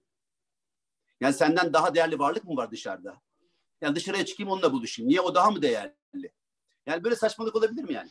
Hani ancak insan kendisini çok severse, kendisinin değerli olduğunu anlarsa dışarıda buluştuğu insanlarla da değer katar, bir sevgi katar, bir iletişim katabilir. Bir beklentisi yoktur çünkü orada. Sadece vermek vardır. Herhangi bir karşılık yok.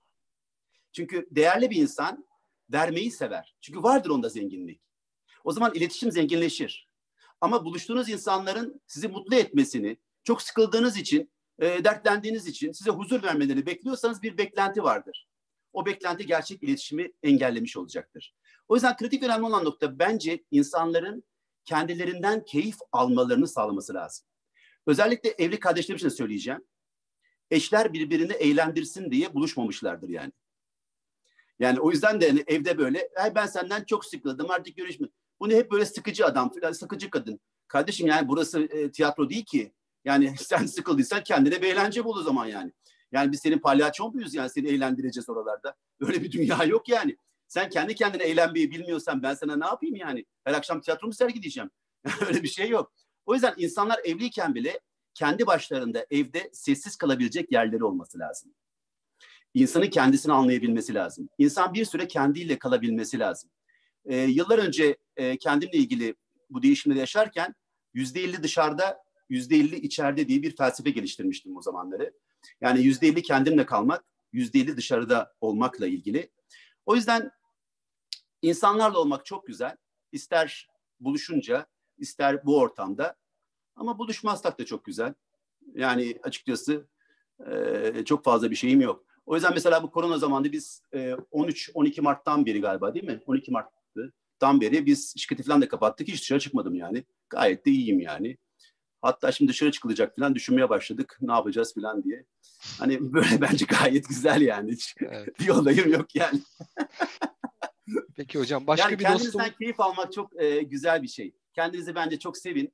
Çünkü ne yazık ki e, büyüklerimiz bize narsizm, egoistlik gibi saçma sapan kavramlar çıkardılar. Kendini sevmek, kimi sev? E, işte e, vatanını sev, toprağını sev, milletini sev, komşunu sev, ananı sev, babanı sev, düşmanını sev diyenler bile var. Bize sıra yok yani.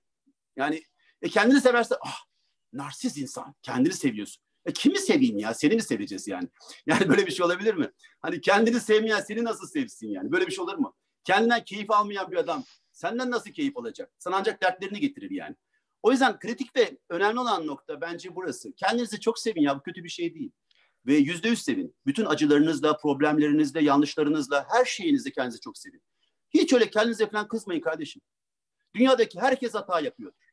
Herkes bir yanlış yapıyordur. Sokrates bile hata yapmıştır yani. Okey? Hiç problem olan bir şey yok. O yüzden kritik ve önemli olan nokta boş verin geçmişte ne yaptığınızı, şimdi ne yaptığınıza bakın. Boş verin yani. Aa, hiç önemli bir şey değil. Yani kritik ve önemli olan nokta kendine değer vermek demek, kendini üzmemek demek. Aynı şekilde mesela bizde iyi insan vardır, kötü insan.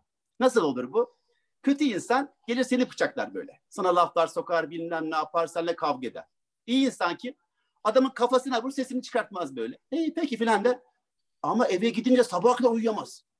Bana insanlar niye böyle davranıyorlar, niye beni anlamıyorlar diye sabah kadar üzülür durur. Peki bu adam iyi adam mı şimdi yani?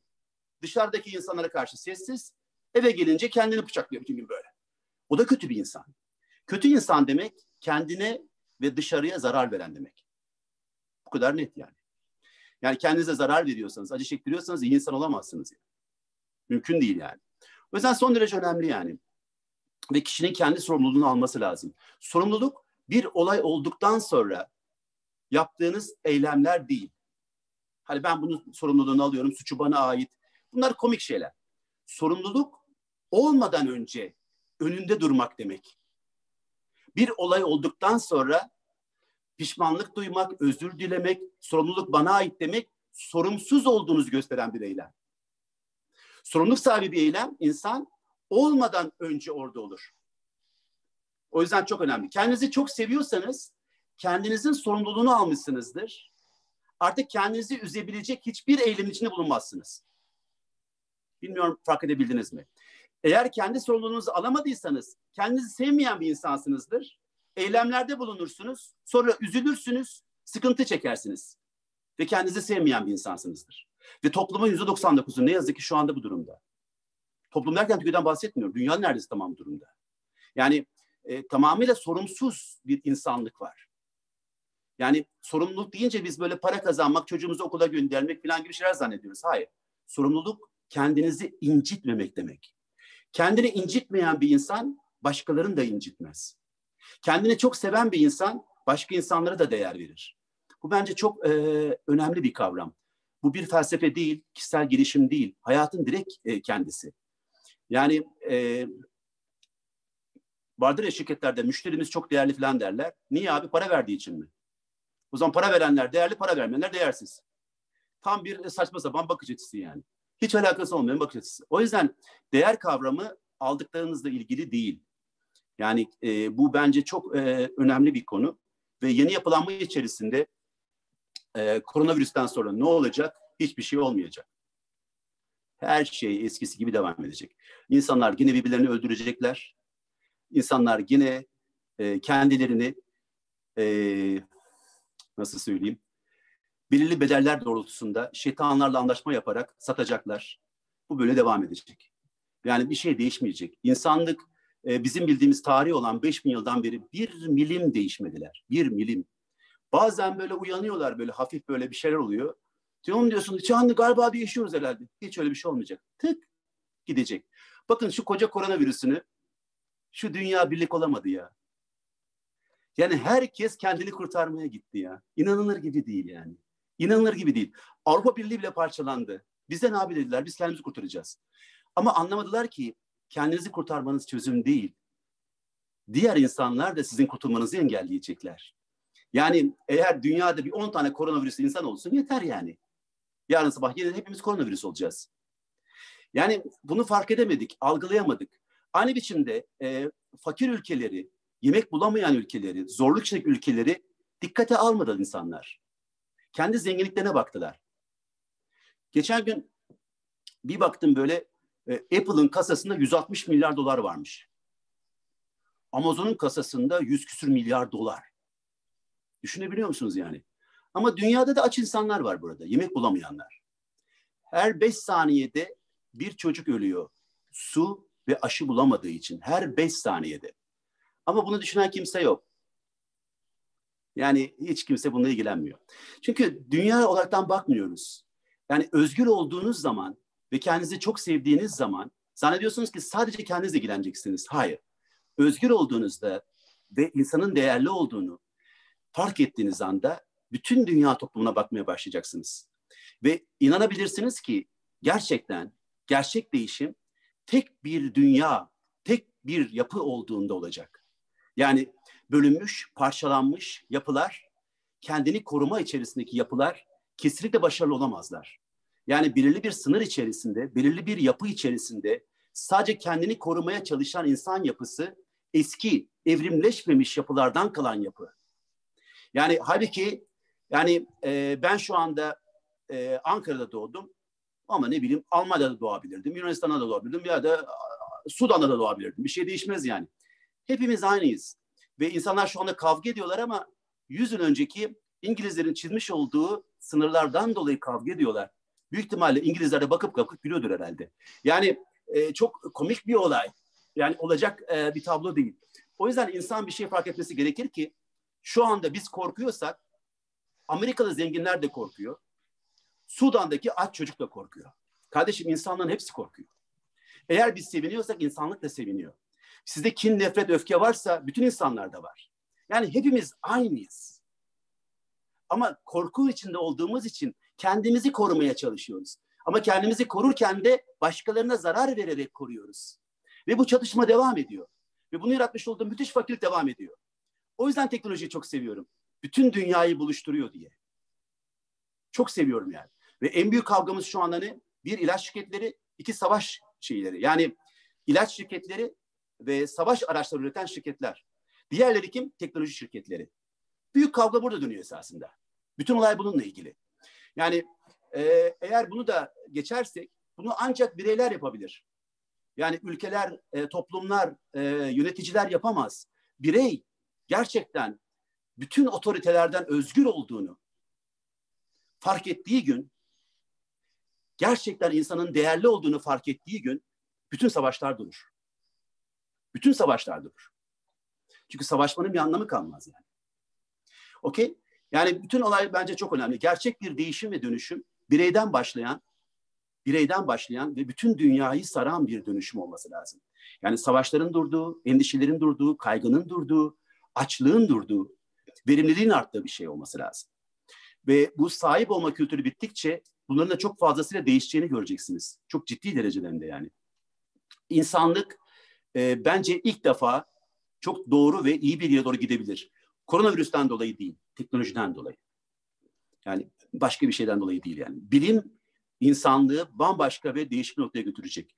Hiçbir korkunuz olmasın. Yani e, bizim kafamıza çip takacaklar da oradan bizi takip edecekler, bilmem ne yapacaklar filan. Hayır kardeşlerim hiçbir şekilde öyle olmayacak. Çünkü otoriter yapılar uzun süre devam edemeyecek. Kalmayacak öyle bir şey. Emin olabilirsiniz yani. Korkacak hiçbir şeyiniz yok.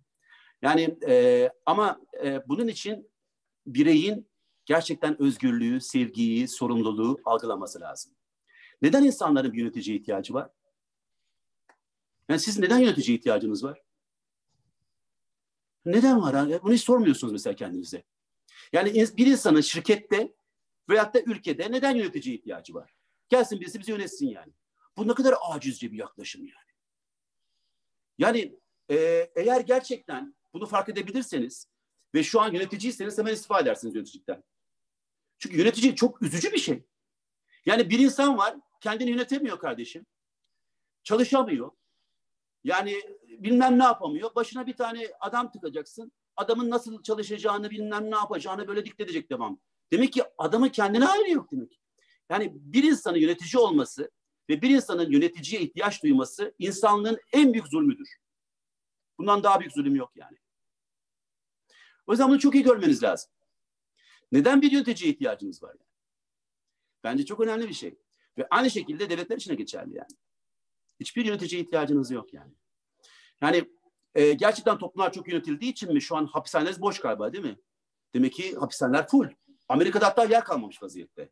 Ne oldu? Demek ki iyi yöneticiler yok mu? Ya da insanlar mı acaba bunu fark edemiyorlar?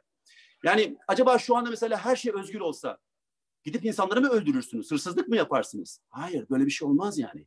Yani o yüzden kritik önemli nokta arkadaşlarım. Hayatınızın tamamını sorgulayın. Doğru bildiğiniz her şeyi sorgulayın. Bu kesin doğrudur dediğiniz her şeyi yeniden sorgulayın. Sorgulamayı bırakmayın. Çok önemli bir şey bu. Ve bunu sorguladıkça bütün yanlışlıkların yavaş yavaş yavaş yavaş döküldüğünü göreceksiniz yani. Çok önemli bir şey. Müthiş derecede yani. Bilmiyorum e, inşallah e, hep beraberce e, farklı şeyleri fark etmişizdir. Buradan çıktıktan sonra belki de gerçekten sorgularsınız bütün hayatınızı. Eğer bütün hayatınızdaki sorgulamanın sonucunda birçok şeyi elimine ederseniz, eklemek değil ama elimine ederseniz eğer müthiş bir hafiflik oluşur. O zaman müthiş bir değişim de başlamış olur. Bir kişinin değişmesi birçok şeyin değişmesi anlamına gelir. Çok çok önemli yani. İnanılmaz derecede yani. Ziya'cığım bilmiyorum. İnşallah çok yormamışımdır. Hocam zihinler açılmış gibi gözüküyor. Gelen sorular e, gerçekten böyle düşündürücü sorular. Genelde hep özgürlük üzerine yoğunlaşmış vaziyette.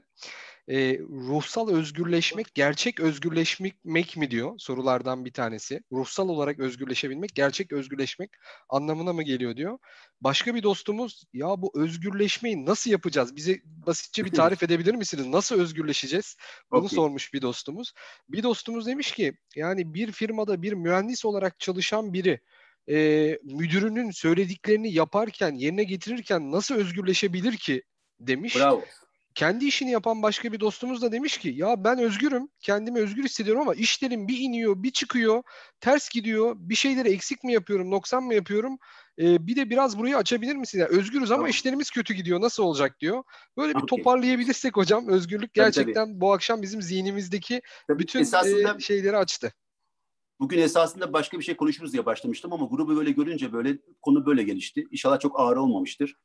Ee, birincisi bir müdürünüz var ve bir şekilde e, sizin özgürlüğünüzü aldığını düşünüyorsunuz. bir insan bir insanın özgürlüğünü alabilir mi? Bence alamaz yani. Ee, almaması da gerekir. Size bir anımı anlatayım. 1992-93 yıllarında 22-23 yaşındayken bir Amerikan şirketinde nasıl olduğunu ben de anlayamadım e, bir şekilde. E, daha askerlik yapmamışım. Doğru dürüst İngilizcem yok, bir şeyim yok. Büyük böyle Boğaziçi mezunları, bilmem ne mezunları, abilerimizin, ablamlarımızın olduğu bir şirkette müdür oldum. E, İstanbul'a geldim, Ankara'daydım. Fakat öyle bir adam genel müdürüm vardı ki her pazartesi rapor verirdik.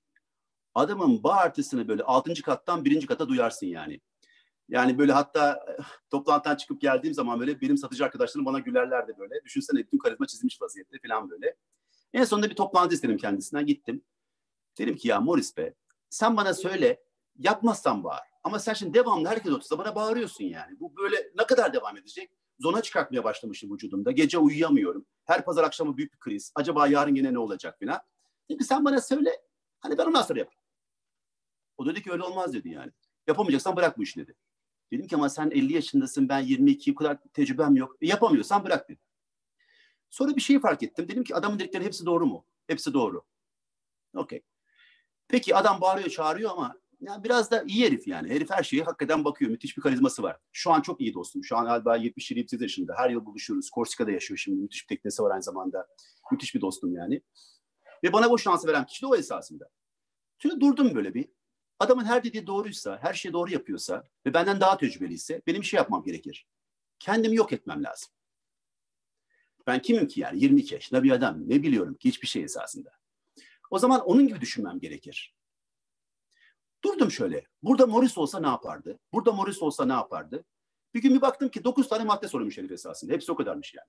Ve her yaptığım eylemde burada Morris olsa nasıl yapar diye bakmaya başladım. Ama tabii ki benim müthiş bir enerjim var.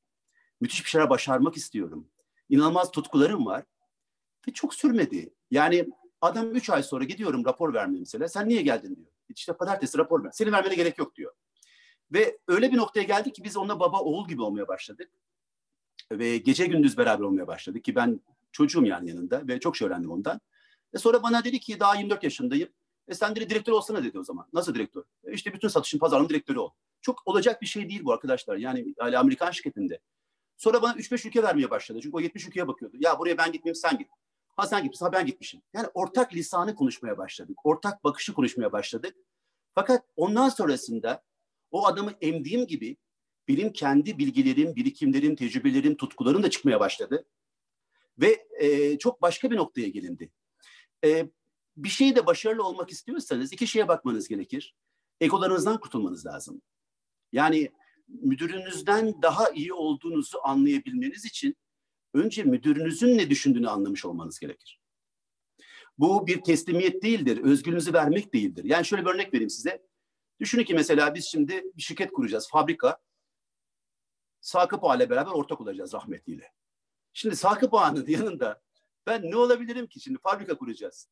E, akıllı ve başarılı bir adamsanız, özgür bir adamsanız Sakıp Ağa gibi birini seçme özgürlüğünü yapmışsınız. Zeki olduğunuz için Sakıp Ağa gibi birini bulmuşsunuz. E, o zaman dersin ki Sakıp Ağa burada ne yapmak lazım? Ve tam bir yönetici olursunuz. Sakıp Ağa sence burada ne yapalım dersiniz. Her şeyi yine siz yönetiyorsunuz ama. Adam da cevap veriyor yani. Yani bakın benim gibi gariban bir adamdan yüzlerce insan danışmanlık alıyor. Çok ciddi büyük şirketler var bunların içerisinde. Ya ben ne olabilirim ki adam için ben ne kadar iyi bilebilirim. Ama çok önemli farklı şeyler var. Yani demek ki kritik önemli olan nokta egonuzu önce yenmeniz lazım. Önce egonuzdan özgür olmanız lazım. Sonra karşınızdaki kişiyi çok iyi algılamanız, anlamanız lazım. İşte ondan sonra o adamın üzerine çıkarsınız. O hayatın üzerine çıkarsınız. Önce kendinizi yenerseniz kendinizin üzerine çıkarsınız. Sonra onu anlarsanız onun üzerine çıkarsınız. Yani bu e, çok e, önemli bir e, konudur. Yani e, mümkün olduğunca e, egosantrik bir yapı içerisindeyken özgürlüğü algılayamayız. Kapıyı vurmak, ben ondan daha çok biliyorum demek. Bunlar tamamıyla egosantrik yapılardır. Daha egosundan özgürleşmemiş bir kişi, daha çocuktur yani. Anlatabiliyor muyum demek istediğim noktayı? Ve aynı şekilde eğer seni dinlemelerini istiyorsan müdürlerini ya da başkalarının demek ki dinlenecek bir hale gelmen gerekir. Demek ki senin onların kafasında yaratmış olduğun imge ve sıkat e, dinlenecek durumda değil. Ama Egon der ki bunlar aptal beni dinlemiyorlar. Yani ama tamam da yani bir aptala dahi kendini anlatamıyorsan akıllıya hiç anlatamaz. Yani o yüzden önce aptala anlatmayı öğren. Yani sonra akıllıyı anlatmaya çalışırsın yani.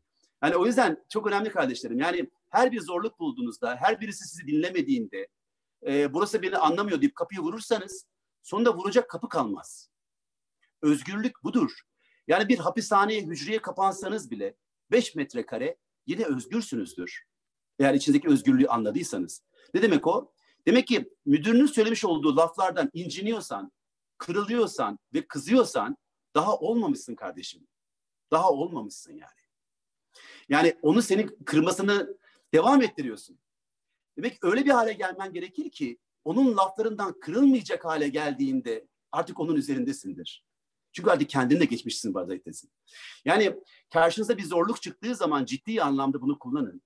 Yani e, ve sakın e, mukayese etmeyin. Bu adamcağız anlıyor, anlamıyor. Demek ki şu anda orada seni kızdırabiliyorsa bence çok etkili bir adam. Çok etkili bir adam. Ve unutmayın ki hayatın içerisindeki en büyük düşmanınız duygularınızdır. Yani duygularınızla hayatınızı yönetmeye çalışıyorsanız eğer dengesiz bir yapı oturursunuz.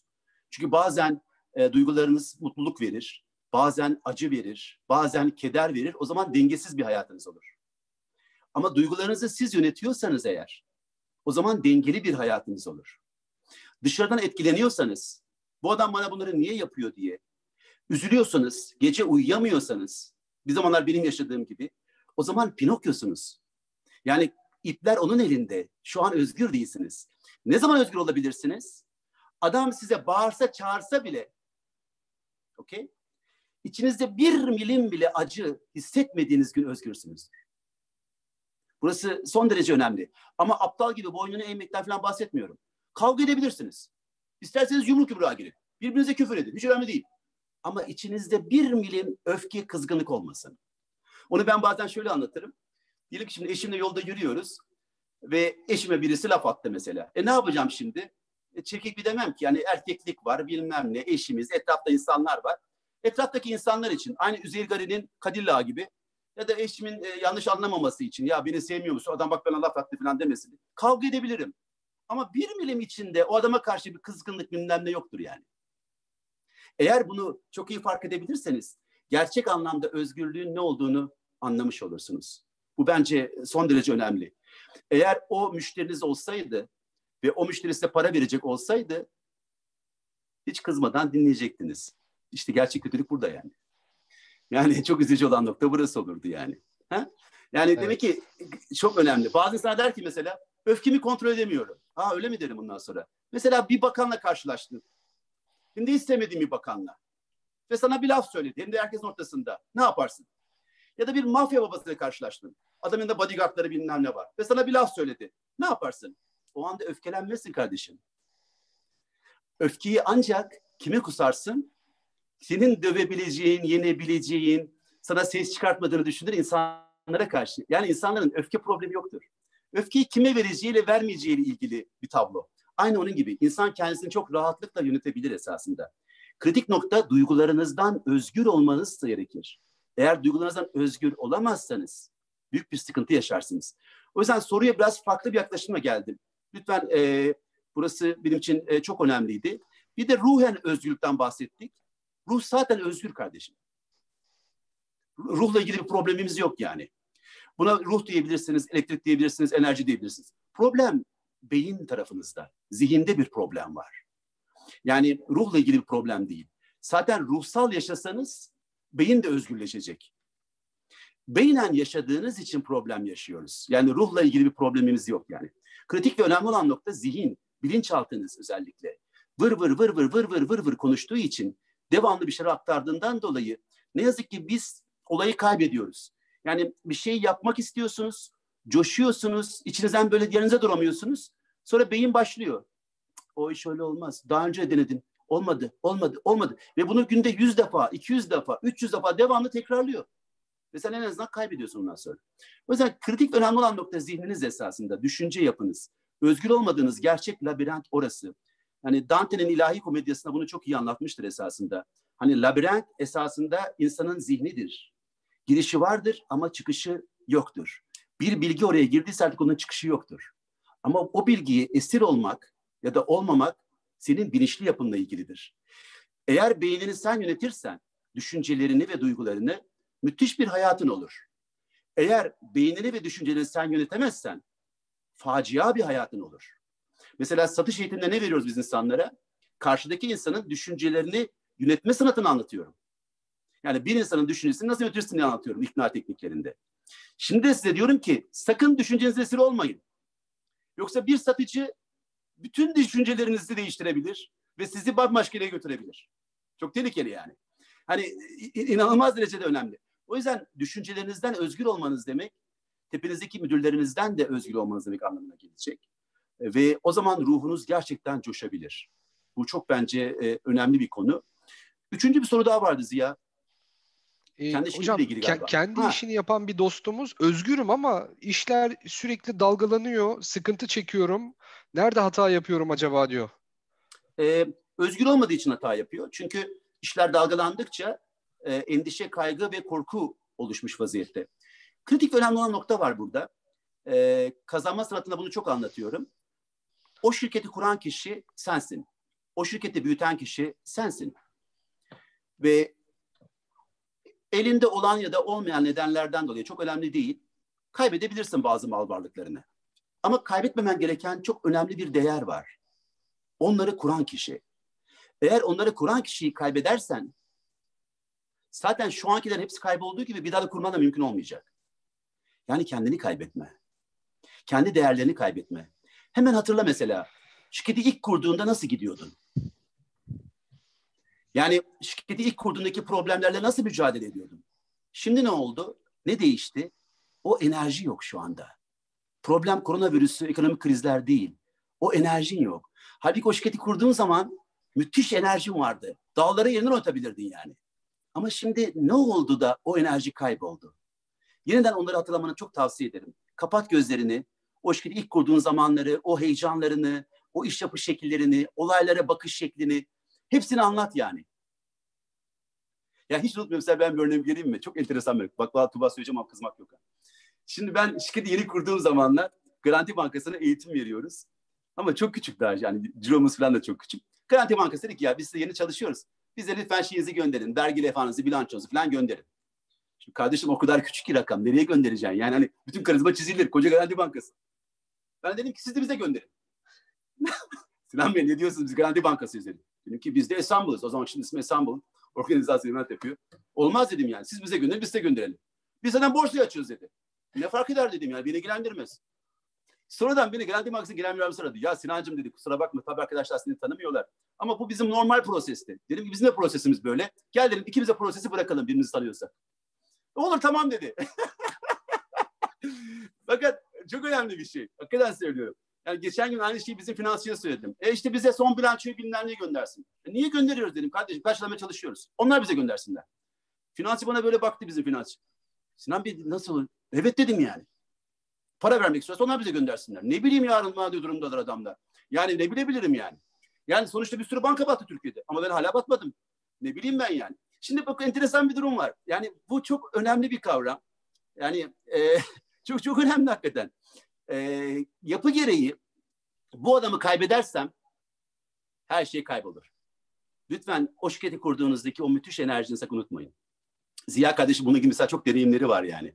O eski zamanlarında bunu hep söylemiştim. Yani o birlikteliği, o enerjiyi kaybederseniz her şey e, gidiyor. Bazen kaybedebilirsiniz. Dış dünya sizi zorlar. Hemen dönmeniz gereken yer o ilk günkü haliniz. Fabrika ayarları. Çok önemli. Hatta bazen şey bile yapılabilir yani.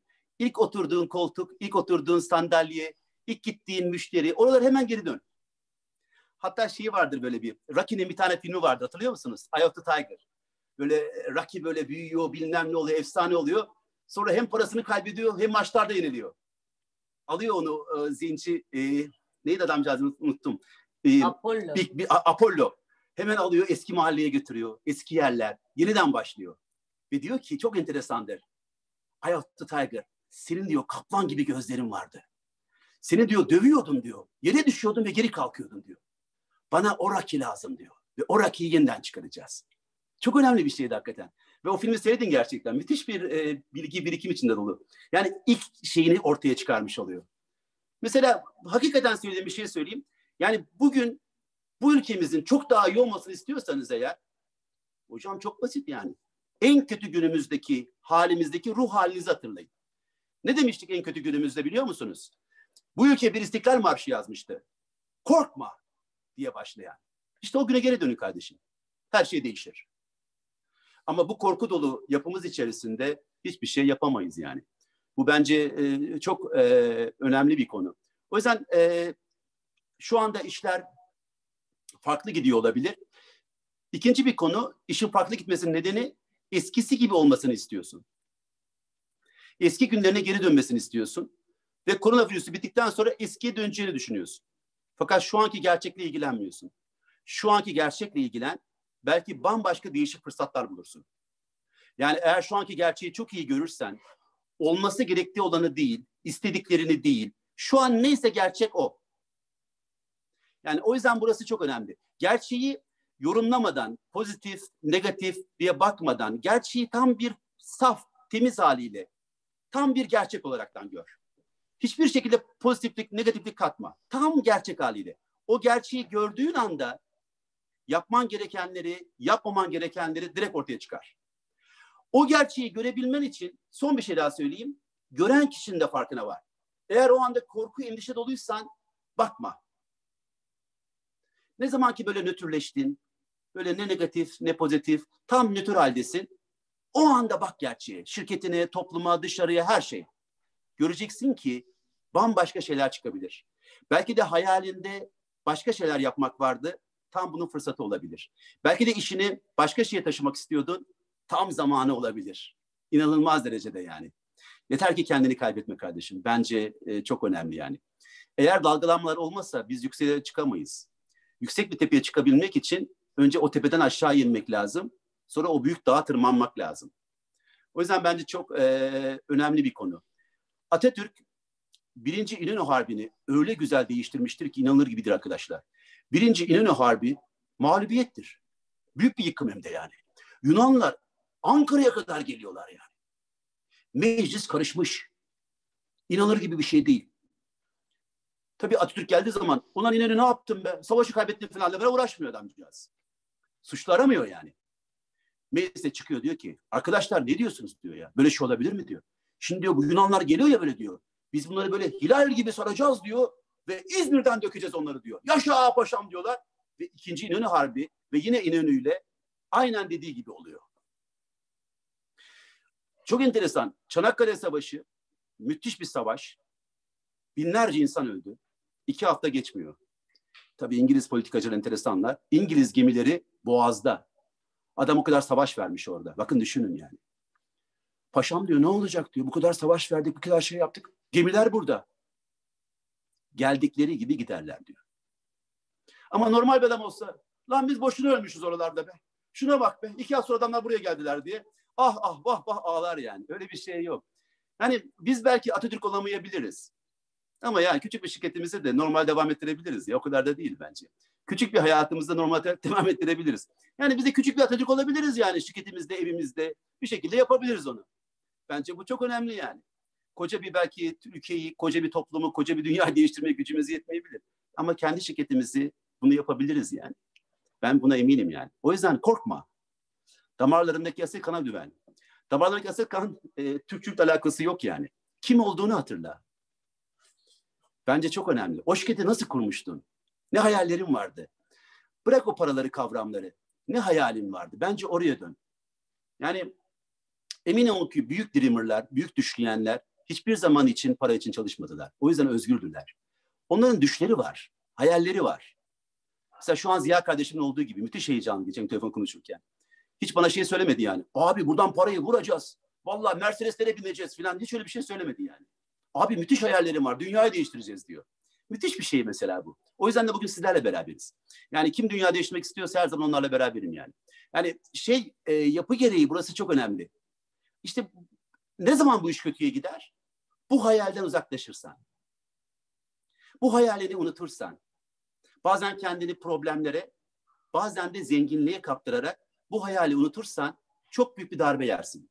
O darbe yemenin ana nedeni hocam uyan diyor hayaline geri dön. Hayaline geri dön. Hayaline geri döndüğünde bütün zenginliğin yeniden oluştuğunu göreceksin. Gerçek business plan düşlerinizdir, hayallerinizdir yani. Yani bunu sakın unutmayın. Ne zaman ki e, düşlerinizi, hayallerinizi unuttunuz, bütün sistemler çökmeye başlar. Mesela bizim ülkemizin koronavirüs falan derdi yok. Ekonomik kriz derdi yok arkadaşlar. Bizim ülkemizin yani daha önce yapılmış olduğu gibi 2023 planı vardı, müthiş planları vardı. Müthiş vizyonları vardı. Dünyanın en zengin 10 ekonomisinden bir tanesi olacaktı. Müthiş hayalleri vardı. Yani bizim başka problemimiz yok. Bizim tek problemimiz var şu anda. Nereye gittiğimizi net ortaya koymakla ilgili. Eğer bunun üzerine ilerleyebilirsek bütün her şey tablo değişir. Yani kritik ve önemli olan nokta bu. Başka bir şey değil. Yani siz de vizyonunuzu hatırlayın yeniden. O şirketi niçin kurmuştunuz? Onu kuran adam nasıl bir ruh halindeydi? Ve yeniden oradan başlayın. Hatta ben bazen espri yaparım yani. İcra memuru geldi. Oturduğunuz sandalyeyi bile aldı. Hatta bilgisayar alıyor. Hiç üzülmeyin. Hatta bunlar eskimişti deyin. Hemen dışarı çıkın. Hayatınıza yeniden başlayın. Çünkü icra memuru sizi alamaz. Sadece malları alabilir. Sakın unutmayın. O mallardan daha iyisini ve güzelini gene yaparsınız. Ama sizi alırsa, icra memuru içinize girerse, borçlar içinize girerse böyle ve siz kaybolursanız o mallar kalsa bile malları göremezsiniz yani. Yani hiçbir önemi kalmaz yani. Hani kocaman bir Mercedes'e binersin ama içinde böyle ah ne olacak bu işler diye oturup durursun yani. Mercedes'i bile göremezsin. Sarayda yaşarsın ama anlayamazsın. Ulan ne olacak bu hayat falan ne yapacağız falan diyerekten hayat öyle geçer gider yani. O yüzden son derece önemli. Benim böyle çok zengin arkadaşlarım var böyle. Çok güzel evleri falan var. Bazen gidiyoruz falan. Abi diyorum şu havuza girdi mi diyorum. Ya Sinancığım ne zaman gireceğiz? Çoluk çocuk giriyor işte diyor. Ha iyi abi falan diyorum. Hiç şu bahçede oturdum abi diyorum. Ya Sinancığım beni tanıyorsun vakit kalmıyor ki diyor. Anladım abi diyorum. Yani evdeki bakıcılar abiden daha fazla kral gibi yaşıyorlar. Yemin ediyorum bak yani. Ya dedim abi sen beni bu eve bakıcı diye alsana şöyle ben bahçeye bakayım sana çay getireyim. Nasıl sen evde değilsin bütün gün abi. Bütün gün şurada saray gibi yaşayayım ben yani. Ekmek elden gölden. Yemin ediyorum evdeki insanlar daha güzel yaşıyorlar. Öyle böyle değil. O yüzden insanlar e, ne yaptıklarının e, farkında değiller ya. Bir tane dostu var mesela. Müthiş bir teknesi var adamcağız. 35 metre yani. Abi diyorum gittin mi hiç diyorum yani. Sinancığım beni tanıyorsun vakit oluyor mu diyor. Hatta gitse de bütün gün böyledir büyük ihtimalle. O geldim, o gittim, onu verdim, onu aldım, onu verdim. Ya şimdi adamcağızın teknesi olsa ne olacak? Büyük bir ihtimalle kaptanlar, işte orada çalışanlar keyif yapıyorlardır herhalde. Hadi koy bakalım içkileri, hadi bakalım arkadaşlar takılalım falan. Herhalde büyük bir ihtimalle onlar Bodrum'da takılıyorlardır yani. Abi de burada bütün gün çalışıyor. Onlar için. bütün hayat böyle geçiyor. O yüzden siz böyle bir zengin insan gördüğünüz zaman vay vay vay falan demeyin. Onlar gerçekten çok zor durumdalar. Gerçek zor durumda olanlar onlar yani. O yüzden hiç olay böyle göründüğü gibi değil yani. o yüzden şey derler ya büyük başın daha büyük derdi var. Adamın e, başı büyük ne demek yani? Başında bir sürü problem var. Bir sürü dert var yani. E, çok enteresan bir şey yani. Çok e, komik bir durum yani. E, ya İzzet sen de birçok şey, Ziya sen de birçok patron gördüm böyle. Yani sabah 9 akşam 6 çalışan patron hiç gördün mü mesela? Ya bizim mesai bitti gidiyoruz yani patron hiç gördün mü yani? Hiç yok öyle bir patron. Yok patronlar genelde daha çok çalışıyorlar. Yani. Tabii daha çok Vallahi çalışıyorlar. Günde, Elon Musk geçen gün demiş 100 saat çalışıyorum ama yetmiyor demiş yani. Haftada 100 saat çalışıyormuş falan. Tabii adamın başka hayalleri var. Enteresan bir şey. Bazı insanlar hayaller üzerine çalışıyorlarsa çalışıyor gibi gözükmez ve zaman yok olur. Ama e, bizim patronlar para için, mevki için, güç için çalıştıkları için onların çalışması onları acayip derecede kanser eder. Hatta o yüzden hepsi göbeklidir böyle. Hepsinin saçı yavaş yavaş dökülmüştür. Hepsi zaten hastadır. Bir sürü günde 15 tane hap kullanırlar. Hepsi problemli yani. O yüzden böyle rahat bir durumları yok. O yüzden bizim patronlar yaratıcı, farklı, değişik bir şey var edemiyorlar. Ben e, onun için şey söylerim. Topta bir ara çok e, konuşma yapıyordum o zamanları. E, Ali Sabancı Geç Girişimler Kurulu Başkanıydı o zamanları. Biz Türkiye'ye geziyorduk. Triem modeli anlatırdım orada. Triem demek yani 3M modeli e, bizim Türk girişimcisinin müthiş modelidir. Birinci M harfi money, para. İkinci M harfi ne olur? Bizim abilerimizin Mercedes. Üçüncü M harfi ne? Manita. Şimdi ya da metres. Şimdi bunların bütün hayali budur zaten. Bu üç hayale kavuşunca birazcık böyle bu sefer bunları nasıl koruyabiliriz diye uğraşırlar. Yani e, işte orası da onların yıkım yeri. Yani o kadar çünkü yani. Anlatabiliyor muyum? Yani para, Mercedes, Metres bu kadar. Sinan Hocam Bodrum'a şimdi... gitsinler, otursunlar bir gün orada. Süper. Şimdi çok güzel sorular geliyor ama siz soruları görüyor musunuz? Bilmiyorum. Ya Soru, soruları da cevaplıyorsunuz hocam. Yok vallahi soruları ben göremedim. Aralarda soruları soracağım ama hepsinin böyle çok güzel cevapları da geliyor. Şimdi ona da değindiniz. Ben de bir soru soracaktım. Ee, özgür olabilmek için bir hayale ihtiyacımız var mı? Varsa bu hayali nasıl ortaya çıkartabiliriz? Biraz ipucu verebilir misiniz hocam? Tabii. Ee, şimdi bu çok güzel bir soru. Ee, bir kere özgür olmayan insanın bir hayali olmaz. Yani e, ilk başlarken belirtmiş olduğum gibi e, patronun ismini değiştirmeye çalışır. Yani daha önce e, bir işe girmek için çalışmakta bir hayali varsa ya da ne bileyim işte bir iş yeri kurmakla ilgili hayali varsa. Yani hayaller daha çok esasında özgürlüğünün içinden çıkan hayaller olmadığı için patronları değiştiren e, hayaller oluyor. Gerçek e, hayal özgür insanlardan çıkar.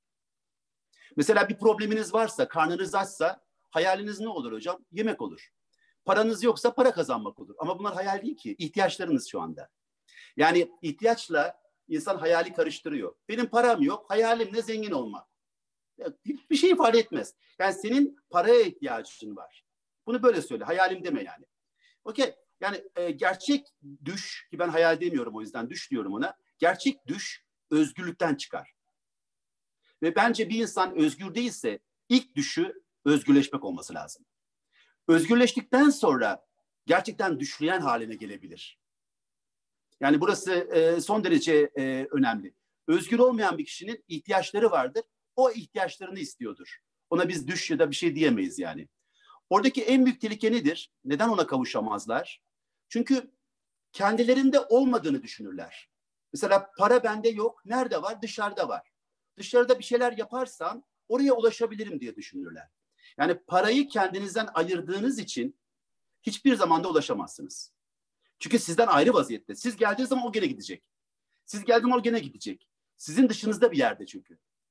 Gerçekten para kazanmaya ihtiyacınız varsa paranın zihninizde, bedeninizde, ruhunuzda, içinizde olduğunu bilmeniz lazım. İçinizde olan bir şeyi dışarıya aktarabilirsiniz. Yani ruhunuzda ve zihninizde fakirlik varsa dışarıya zenginlik aktaramazsınız ve var edemezsiniz. Onun peşinden koşabilirsiniz ama bütün ömür boyunca. Bu çok önemli. Hatta bir gün bir para kazanırsanız içinizdeki korku ve telaş devam ettiği için onu da harcayamazsınız zaten. Bankaya götürür koyarsınız yani. Yani ya da bir ev alayım falan belki dersiniz. Yani çünkü o paranın sizin olmadığını bilirsiniz. Harcayamazsınız. Bir daha kazanamam zaten falan diye korkarsınız. O yüzden para içeride var olan bir şeydir. Yani zihninizde ve ruhunuzda yaratmış olduğunuz bir şey olması lazım.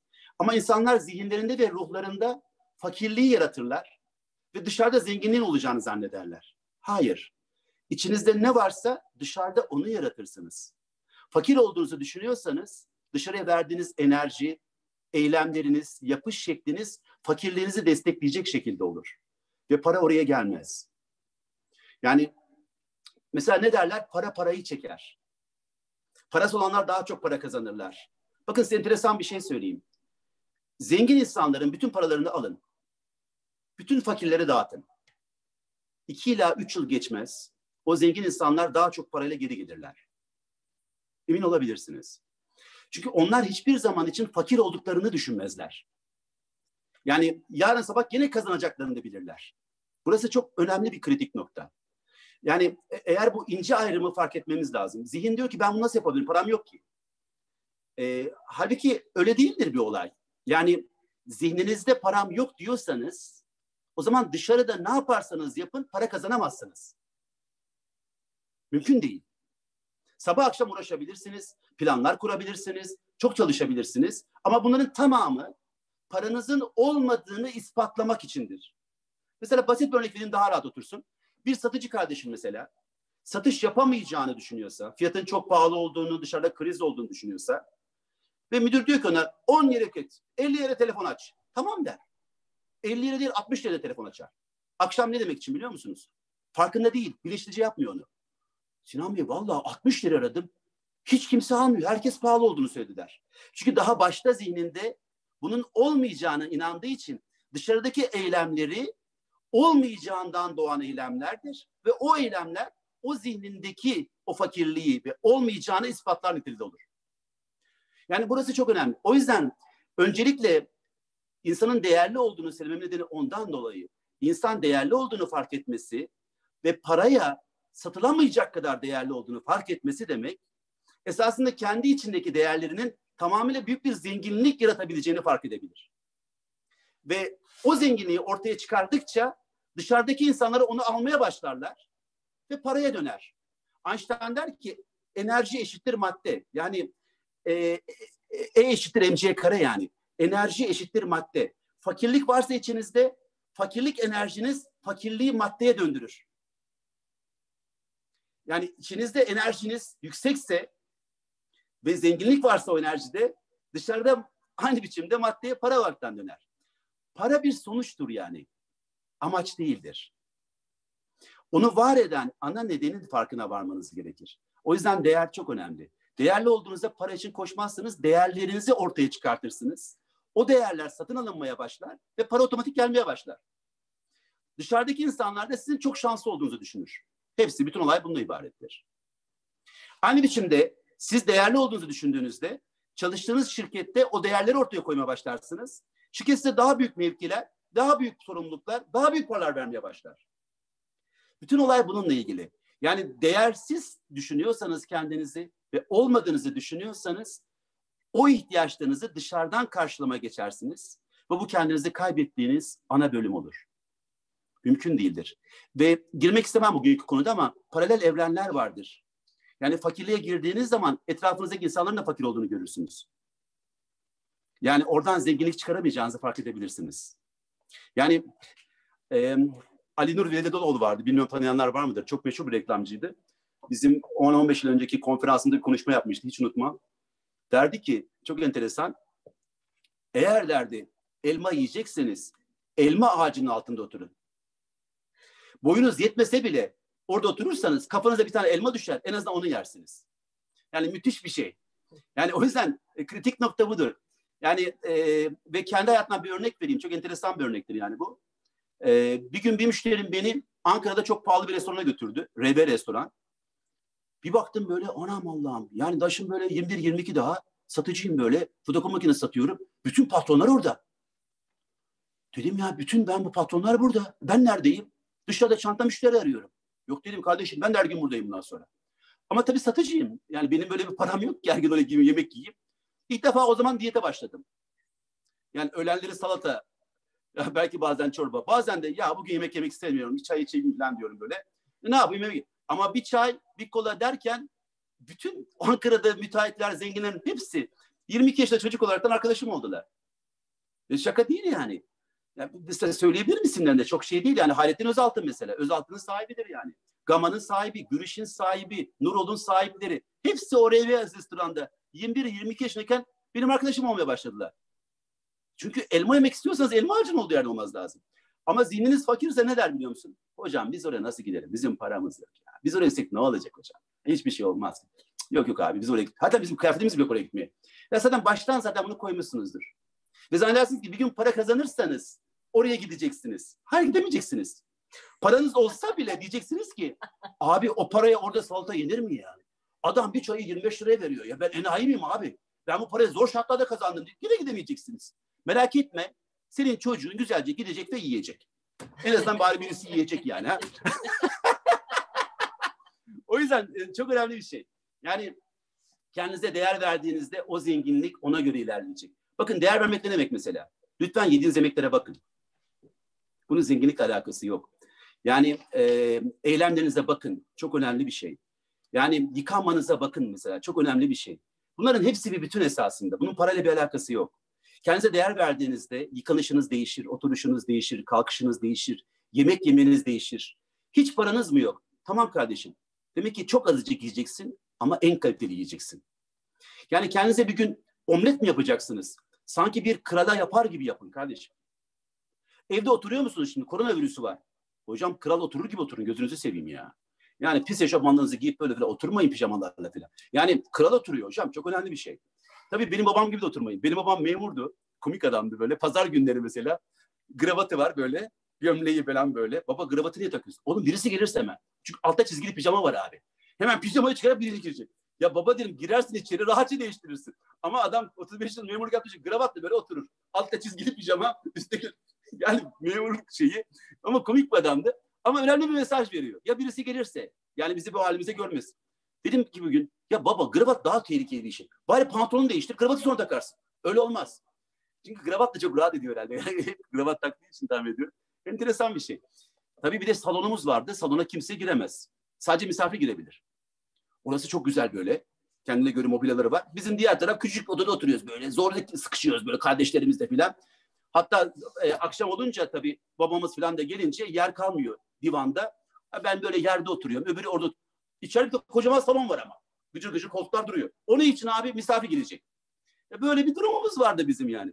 Keşke bir gün eve misafir gidebilsem de hani şu rahat şu koltuklarda oturabilseydim ama hiç nasip olmadı yani. Hani böyle bir durum var. İnsanoğlu kendisini değersiz görür, misafirleri daha değerli görür. Eve misafir gelecek, onlara en güzel yeri açalım. Kendimize böyle kötü yerler açalım. Eve misafir gelecek, çok güzel giyinelim. Misafirle gideceğiz, çok güzel giyinelim. Ama kendi halimizdeki abi boş ver. Yani ne kadar değersiz olduğumuzu anlıyor musunuz? Biz değersiz, misafir çok değerli. Vay anasını be. Yani bu kadar e, aciz bir düşünce yapısına biz sahibiz. Çünkü hep dışarıya göre yaşamak istiyoruz. Dışarıya göre hayat kurmaya çalışıyoruz. Çok komik bir olay yani. O yüzden e, mümkün olduğunca bunu fark edersek eğer bütün tablo e, eminim ki değişecektir yani. Peki var mı başka böyle sert soru, böyle ağır soru? Hocam sayımız artıyor. 200 ile başladık. 300'e doğru gidiyoruz. Biraz daha beklersek sahur programlarıyla birleşeceğiz. 500-600'e çıkabilir sayımız. Ama ben o soruda cevaplayamıyorum. Mesela geçen günkü soru çok ağır bir soruydu. İnşallah bana öyle soru gelmez diye bekliyorum. Hocam şimdi dünyada felaket çıktı. Nükleer bombalar patladı ve biz de uzay gemileriyle Mars'a gittik. Peki biz haç vakti geldiği zaman haça nasıl gideceğiz? Şimdi bu soruyu profesör cevaplamaya çalıştı mesela. Evet. İkinci bir tane daha zor soru vardı. Hakikaten nasıl cevaplıyorlar bilmiyorum. Ee, hocam dedi benim üç evliliğim oldu. Birinci hanım öldü. ikinciden ayrıldım. Şimdiki hanımla beraberim. Öbür tarafa gittiğim zaman hangisiyle beraber olacağım? Şimdi tabii bu sorulara cevap vermek e, çok e, gerçekten insanın profesör olması gerekir. Ve bir profesörün bunlara cevap vermiş olması profesörlüğün devam etmesini sağlar mı tam bilmiyorum. Yani zor, bayağı zor bir işimiz var yani. Hakikaten zor bir işimiz var. Ben bu soruların gerçek olduğuna inanmıyorum. Bence gırgır geçmek için de sorular diye tahmin ediyorum. Yani bizim Türk halkımızdan böyle sorular çıkmaz diye tahmin ediyorum. Ve Cem Yılmaz'a bayağı bir malzeme çıkıyordur herhalde. Buralardan bayağı bir şey toplayacaktır. Bal kabağı Evet. olmayalım derim. Son 10 dakikamız yapalım böyle. Tamam hocam şöyle bir, şöyle ya? bir şey yapıyoruz. Bu toplantıların böyle bir e, son kapanış şeyi gibi oldu. e, seremonisi gibi oldu. Üç arkadaşımıza sözlü soru hakkı veriyoruz. Süper. Sonra da kapatıyoruz hocam. Tamam. Ee, Banu, Banu Hanım el kaldırmış ama mikrofonu kapalı. Ona mikrofonunu açamayacağım. O düzeltirse hemen söz vereceğim. Bahadır Bey el kaldırmış. Hemen onun mikrofonunu açıyorum. Buyurun Bahadır Bey. Teşekkür ederim Ziya Bey. Hocam iyi akşamlar. Sesim geliyor mu? O geliyor. E, Nasılsınız? hocam teşekkür ediyorum hocam. Sizler nasılsınız? Vallahi bomba gibi. Hocam harikasınız. Ben e, soru sormak için değil ama teşekkür etmek için e, elimi kaldırdım. E, Ziya ile bir önceki organizasyonumuzda biz sizden çok eğitimler almıştık. En sonunda 2016'da Kemer'de bir organizasyon yapmıştık hatırlarsınız. Orada beynim beyniniz şeytandır diye bir girdiniz hocam. Gene böyle 1 saat 45 dakika. Biz de bütün çakraları yakmıştınız. Bugün yine teşekkür ediyorum. Özgürlük Ben çok teşekkür ederim. Çakraları tekrardan yaktınız. Ee, görüşmek üzere. LinkedIn'dan zaten e, ekledim sizi. Özel de mesaj yazacağım. Öpüyorum. Çok teşekkürler. Teşekkür ediyorum. Bu Ramazan akşamı harika bir e, böyle bizi mutlu ettiniz. Çok Allah sağ olsun. Çok Teşekkür teşekkürler. Çok teşekkür ederiz Bahadır'a. Banu Hanım mikrofonu açarsa ona söz vereceğim. Son bir dostumuza daha el kaldırırsa sözlü olarak sorma soru sorma şansı vereceğiz. Sonra da kapanışa doğru geçeceğiz. Evet bu arada o kadar çok teşekkür e, mesajı var ki hocam. Onların arasından soruları bulamıyorum. YouTube'da da gerçekten öyle. E, herkes çok teşekkür ediyor. Çok keyifli, çok e, zevkle dinlediklerini belirtiyor. Bütün e, dostlarımız, arkadaşlarımız. Orada bir Gülhan kardeşim var. El kaldırıyor ama bilmiyorum. E, evet, e, üçüncü olarak da Gülhan Hanım'a söz verelim. Banu Hanım mikrofonunu çözdü. Şöyle açtım, buyurun. Duyuyor muyuz? Duyuyoruz Banu Hanım, buyurun. Harika. Şimdi e, ben bir toplum bilimci olduğum için e, böyle bireysel dinamikleri e, izlerken biraz zorlanıyorum. Yalnız e, tabii herhalde Fransız devriminden beri özgürlük çok seksi bir e, kavram. Onun için çok büyük bir ilgiyle sizi dinledim ve zorlanarak dinledim. Neden zorlandığımı da açıklayayım. E, şimdi sosyolojide amente olarak şunu bize öğretirler. Derler ki toplum bireylerin basit bir toplamı değildir. Dolayısıyla biz bütün toplumsal dinamik analizlerimizde tüme varım değil de tümden gelimi kullanırız. Şimdi, ama derler ki sonra bireysel bir şeyle ilgili bir okuma yapacaksanız, bir şey dinleyecekseniz de tüme varımı kullanacaksınız. Şimdi bu tüme varımla ilgili olaya geçmeden bir konuyu yalnız eksik bulduğum için e, izninizle söyleyeyim. Lütfen. E, böyle sınırsız bir özgürlük yok. Çünkü biz birey olarak kendi özgürlüğümüzün bittiği anda başkasının özgürlüğünü başlatırız. Yani ben bir örnek vermek gerekirse gecenin üçünde 20 wattlık amfilerle CD çalamam. Çünkü başkasının uyuma hakkını ve özgürlüğünü ihlal etmiş olur. Dolayısıyla bu sanıyorum önemli bir unsur. Diğer taraftan e, zamandan ve mekandan bağımsız bir özgürlükte tanımlayamıyoruz. Ve özgürlük kavramının tanımı da e, değişik mekanlarda, değişik coğrafyalarda, değişik e, zamanlarda, yüzyıllarda değişiyor. Şimdi sizden anladığım, e, siz günümüz 21. yüzyılın artık beşte birini de devirdik. e, o zamana göre e, bireysel de demeyeceğim, zihinsel özgürlüğü bize anlattınız. E, bir takım notlar aldım. Orada da gene e, tümden gelim değil, yani özgür olduğumuz için yaratıcıyız değil, yaratıcı olduğumuz için özgürleşebiliyoruz gibi bir mantık yürütüyorum.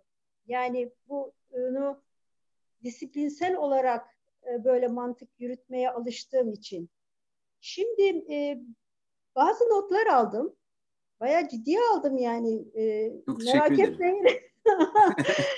Şimdi e, sizin anlattıklarınıza göre 21. yüzyıldaki e, zihinsel özgür kişi, yaratıcı, zaten yaratıcılıkta e, bir noktada düşleyebilmenin bir türevidir. Yaratıcı, ön yargısız, e, özgüvenli, özgüven de bilginin bir e, türevidir zaten.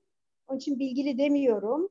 Risk alan, üreten, e, bağımlı olmayıp bağlı olan, daha doğrusu belki de e, kişi olarak ilişkilerimiz içinde tanımlandığımız için e, kişilere bağlı ama bağımlı değil diye koyuyoruz. E, başka bir şey buldum mu? Banu Hanım Evet, soruyu hayır. alabilir miyiz? Sorum şu. Bunun Benim, benim bir şey ben var soru mı? ne zaman gelecek diye heyecanla bekliyorum. Ben de korkuyorum. Sonra çok ağır gelecek. Evet. Bunun, hayır, bunun dışında bir şey var mı? Bir onu öğrenmek istedim. Çünkü Okey. çok ciddi siz e, inceleme yapmışsınız. Estağfurullah. Bu saydığım niteliklerin dışında. Şimdi e, bir kere teşekkür ederim. E, şöyle bakalım. Ben tabii toplum üzerinden gitmedim esasında. E, özgür bir bireylerin oluşturduğu toplumlardan konuşmaya çalıştım. Ve ancak o zaman bir bireyin var olabileceğini, toplum tüketicidir. Birey üreticidir.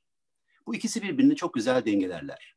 Yani toplum baktığınız zaman zaten toplum bilincinin gelişmesi, sizin uzmanlık alanınız esasında daha çok toplumları nasıl yönetebiliriz e, den gider. Yani yöneticiler toplumları doğru yönetirsek kendi çıkarlarımız doğrultusunda biz de kendi çıkarlarımızı ve ideolojimizi hayata geçirmiş oluruz diye bakarlar.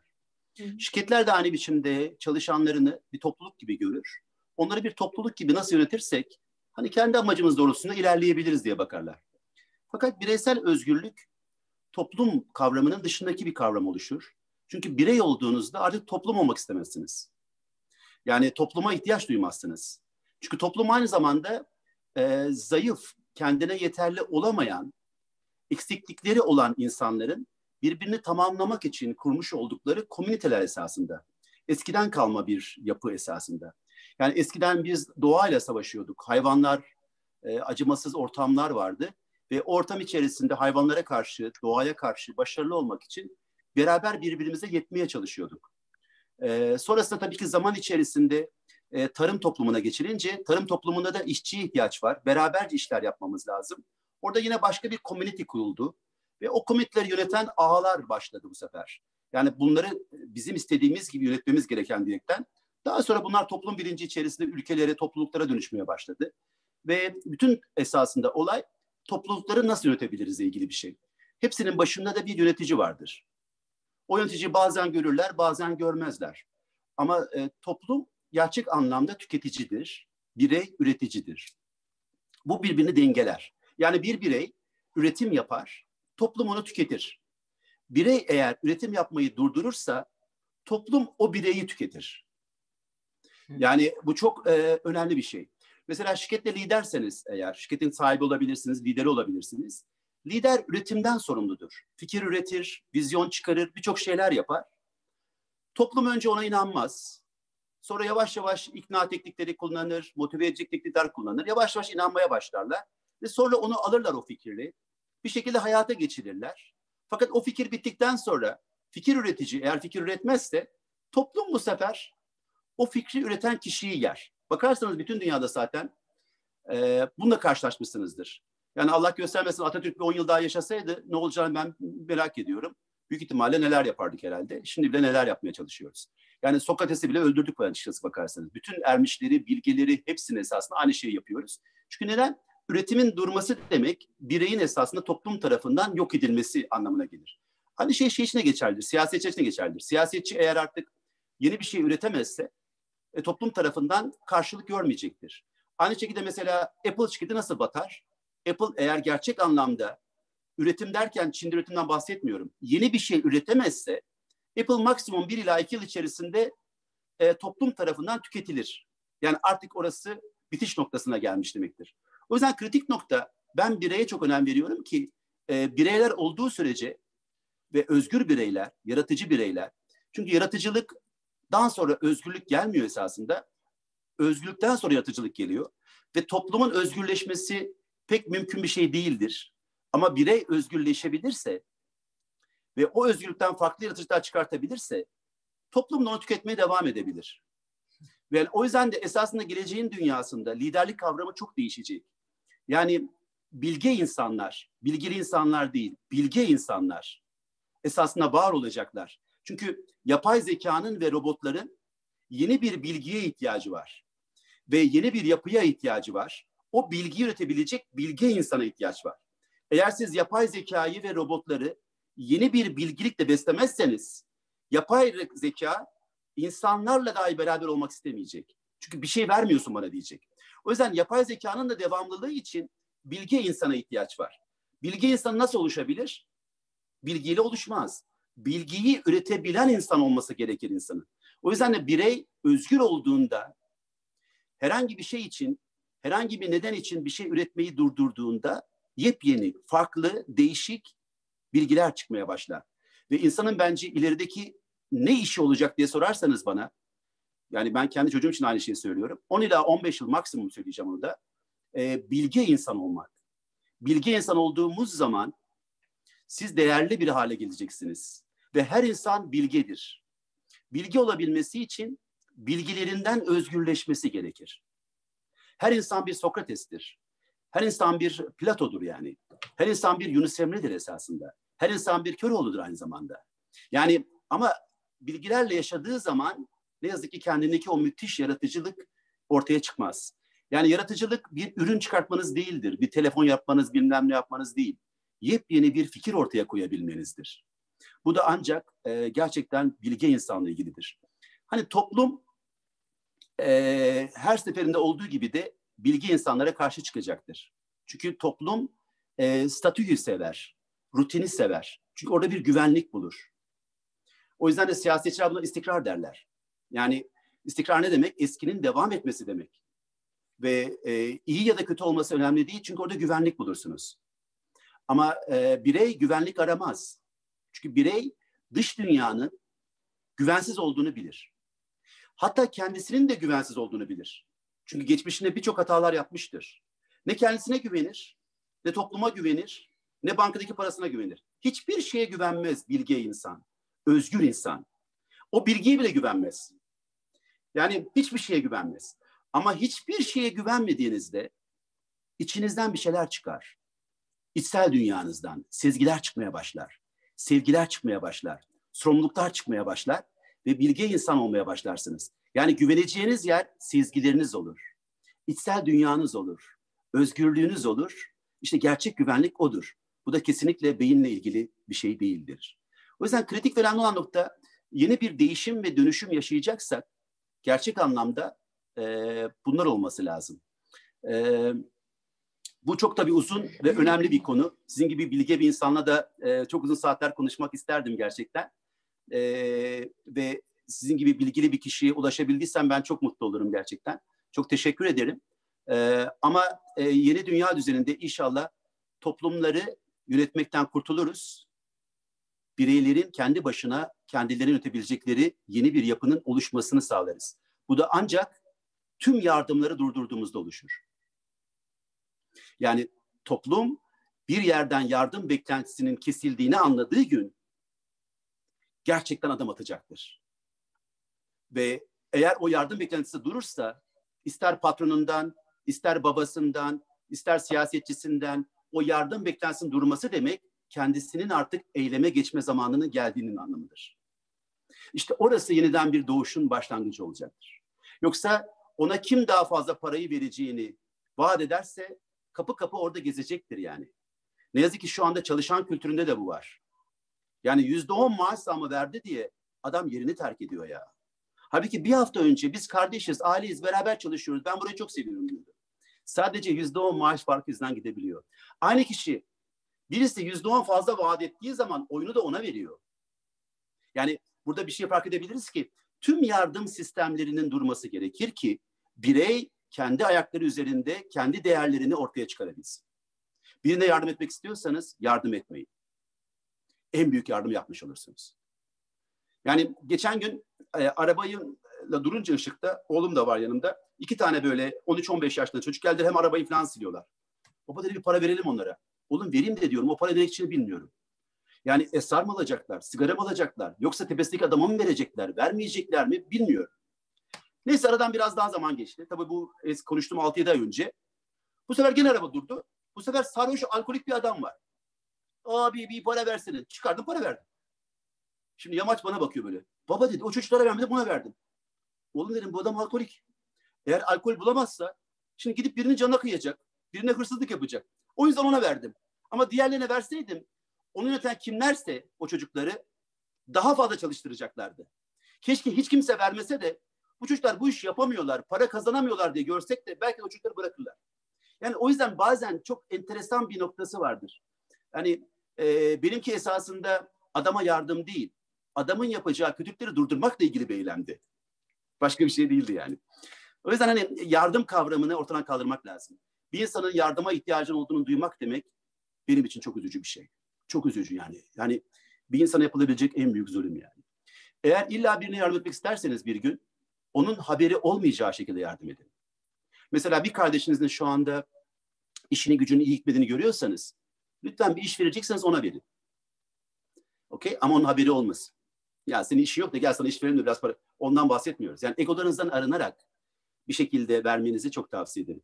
Mesela şu anda şu dükkanlar kapalı, işte kuaför dükkanları, bilmem neler filan. E kardeşim para gönderin oraya ne olacak yani? Ya dersin ki Ahmet Bey gelecek nasıl geleceğim sana oradan düşeriz dersin gönderin parayı mesela. Bir şey olmaz yani. Yani o yardım sadece geçici bir yardımdır ama önemli bir yardımdır. Hani mümkün olduğunca e, bu tarzda e, insanlara fark ettirmeden ve doğru kullanılacağını fark ettiğiniz yerde yapın. Bu bence çok önemli. Bir kardeşinizin hayali vardır. Belki adamcağızın bir 5-10 bin dolar, 50 bin dolar olsa müthiş işler yapacak yani. E verin gitsin ne olacak yani? Yani e, ne olur yani? Anlatabildim mi? Yani e, yarın size geri öder mi ödemez Onlar bence önemli değil. Yani sizde varsa bir şeyler verebilirsiniz. Onun büyümesi için. Ama o yardım değildir işte. Yani düşü olan insanlara destek olmaktır. Ya da bir şeyin yanlış olacağını gördüğünüzde onun durdurulması içindir. Çok önemli. Ama şimdi biz bakıyoruz ki bizim ülkemizde 35 milyon kişi ne yazık ki hep yardımla geçinmeye çalışıyor. O zaman bu toplum nasıl olacak? Nasıl değer üretecek? Değil mi? Çok önemli bir şey. Ben öyle bir gönülden isterim ki hiç kimsenin yardıma ihtiyacı olmasın. Herkes kendi ayakları üzerinde durabilsin. Ve herkes kendi kendisine yeterli olabilsin. Ne kadar güzel olurdu o zaman. Yani çok daha doğru olurdu. İşte o zaman e, bambaşka bir noktaya bence gelebilirdik yani. Peki çok teşekkür ediyorum. Hocam ee, müthiş Banu cevap. Çok teşekkürler. Çok çok evet, sağ olun. Banu Hanım'a çok teşekkür ediyoruz. Bu harika cevabı e, aldık, dinledik ve farklı konularda da birçok soru işaretimizi e, şey yaptı, giderdi. Çok teşekkürler Banu Ben Hanım. teşekkür ederim. Gü- Gülhan Hanım'ın mikrofonunu açıyorum. Buyurun Gülhan Hanım. Merhabalar. Ben önce bir şey söyleyebilirim hocam. Kardeşim soracak ama. Merhabalar. hocam çok tatlısınız. Ee, Çok ayrıca teşekkürler. e, bir şey söylemek istedim böyle. Tam böyle kafamda belirdi. Mesela sizi ilk tanıdığımda bir şey oluştu böyle ve dedim ki yani işte bu kadar derin bilginin aslında tam da böyle bir yapıyla birleşmesi lazım ki gerçekten bize geçebilsin, net geçebilsin böyle. Tam da böyle sizi şeye benzettim. Çok derinden gelen navların aslında patlayan bir e, şeye, e, volkan volkan gibi aslında dinlerken. E, resmetsem bunu resmederim gerçekten. Süpersiniz. Çok teşekkürler. Çok teşekkürler. İyi bir Kardeşim- şey olduğunu tahmin ediyorum. Merhabalar Meryem ben de. Merhabalar. Ee, ben de ablam sayesinde sizle tanışmış oldum ve çok teşekkür ederim hem kendisine hem de sizlere bu, bu akşam. Ee, açıkçası benim sorum şey üstüne çocukluktan kazanılmayan bir öz değer ya da özgüven sonrası yani te- özgürlüğün temeli oradan kaynaklanıyor. Yani geldiğini düşünüyorum. Nasıl sağlanabilir ya da neler yapabilir? Ne yazık ki e, size özgü değil bu hepimize özgü. Hiçbir şekilde ne yazık ki e, çocuklukta size bir özgürlük tanımadıkları gibi ve her anne baba, her yapı e, kendi ideolojilerini size zorla vermeye çalışıyorlar. Ve ne yazık ki bilinçaltınızda buna kirlenmiş vaziyette. Buradan şu çıkmasın, gidip de bilinçaltımı temizleteyim, bilmem ne yapayım, bunlarla uğraşmayın. Ee, özgür olmadığınızı farkına varırsanız eğer ve o zaman işte bazı şeyler değişebilir. Okey? Yani mesela şu anda siz bunu fark etmişsiniz. Diyorsunuz ki çocukluktan kalan bazı birçok olaylar var.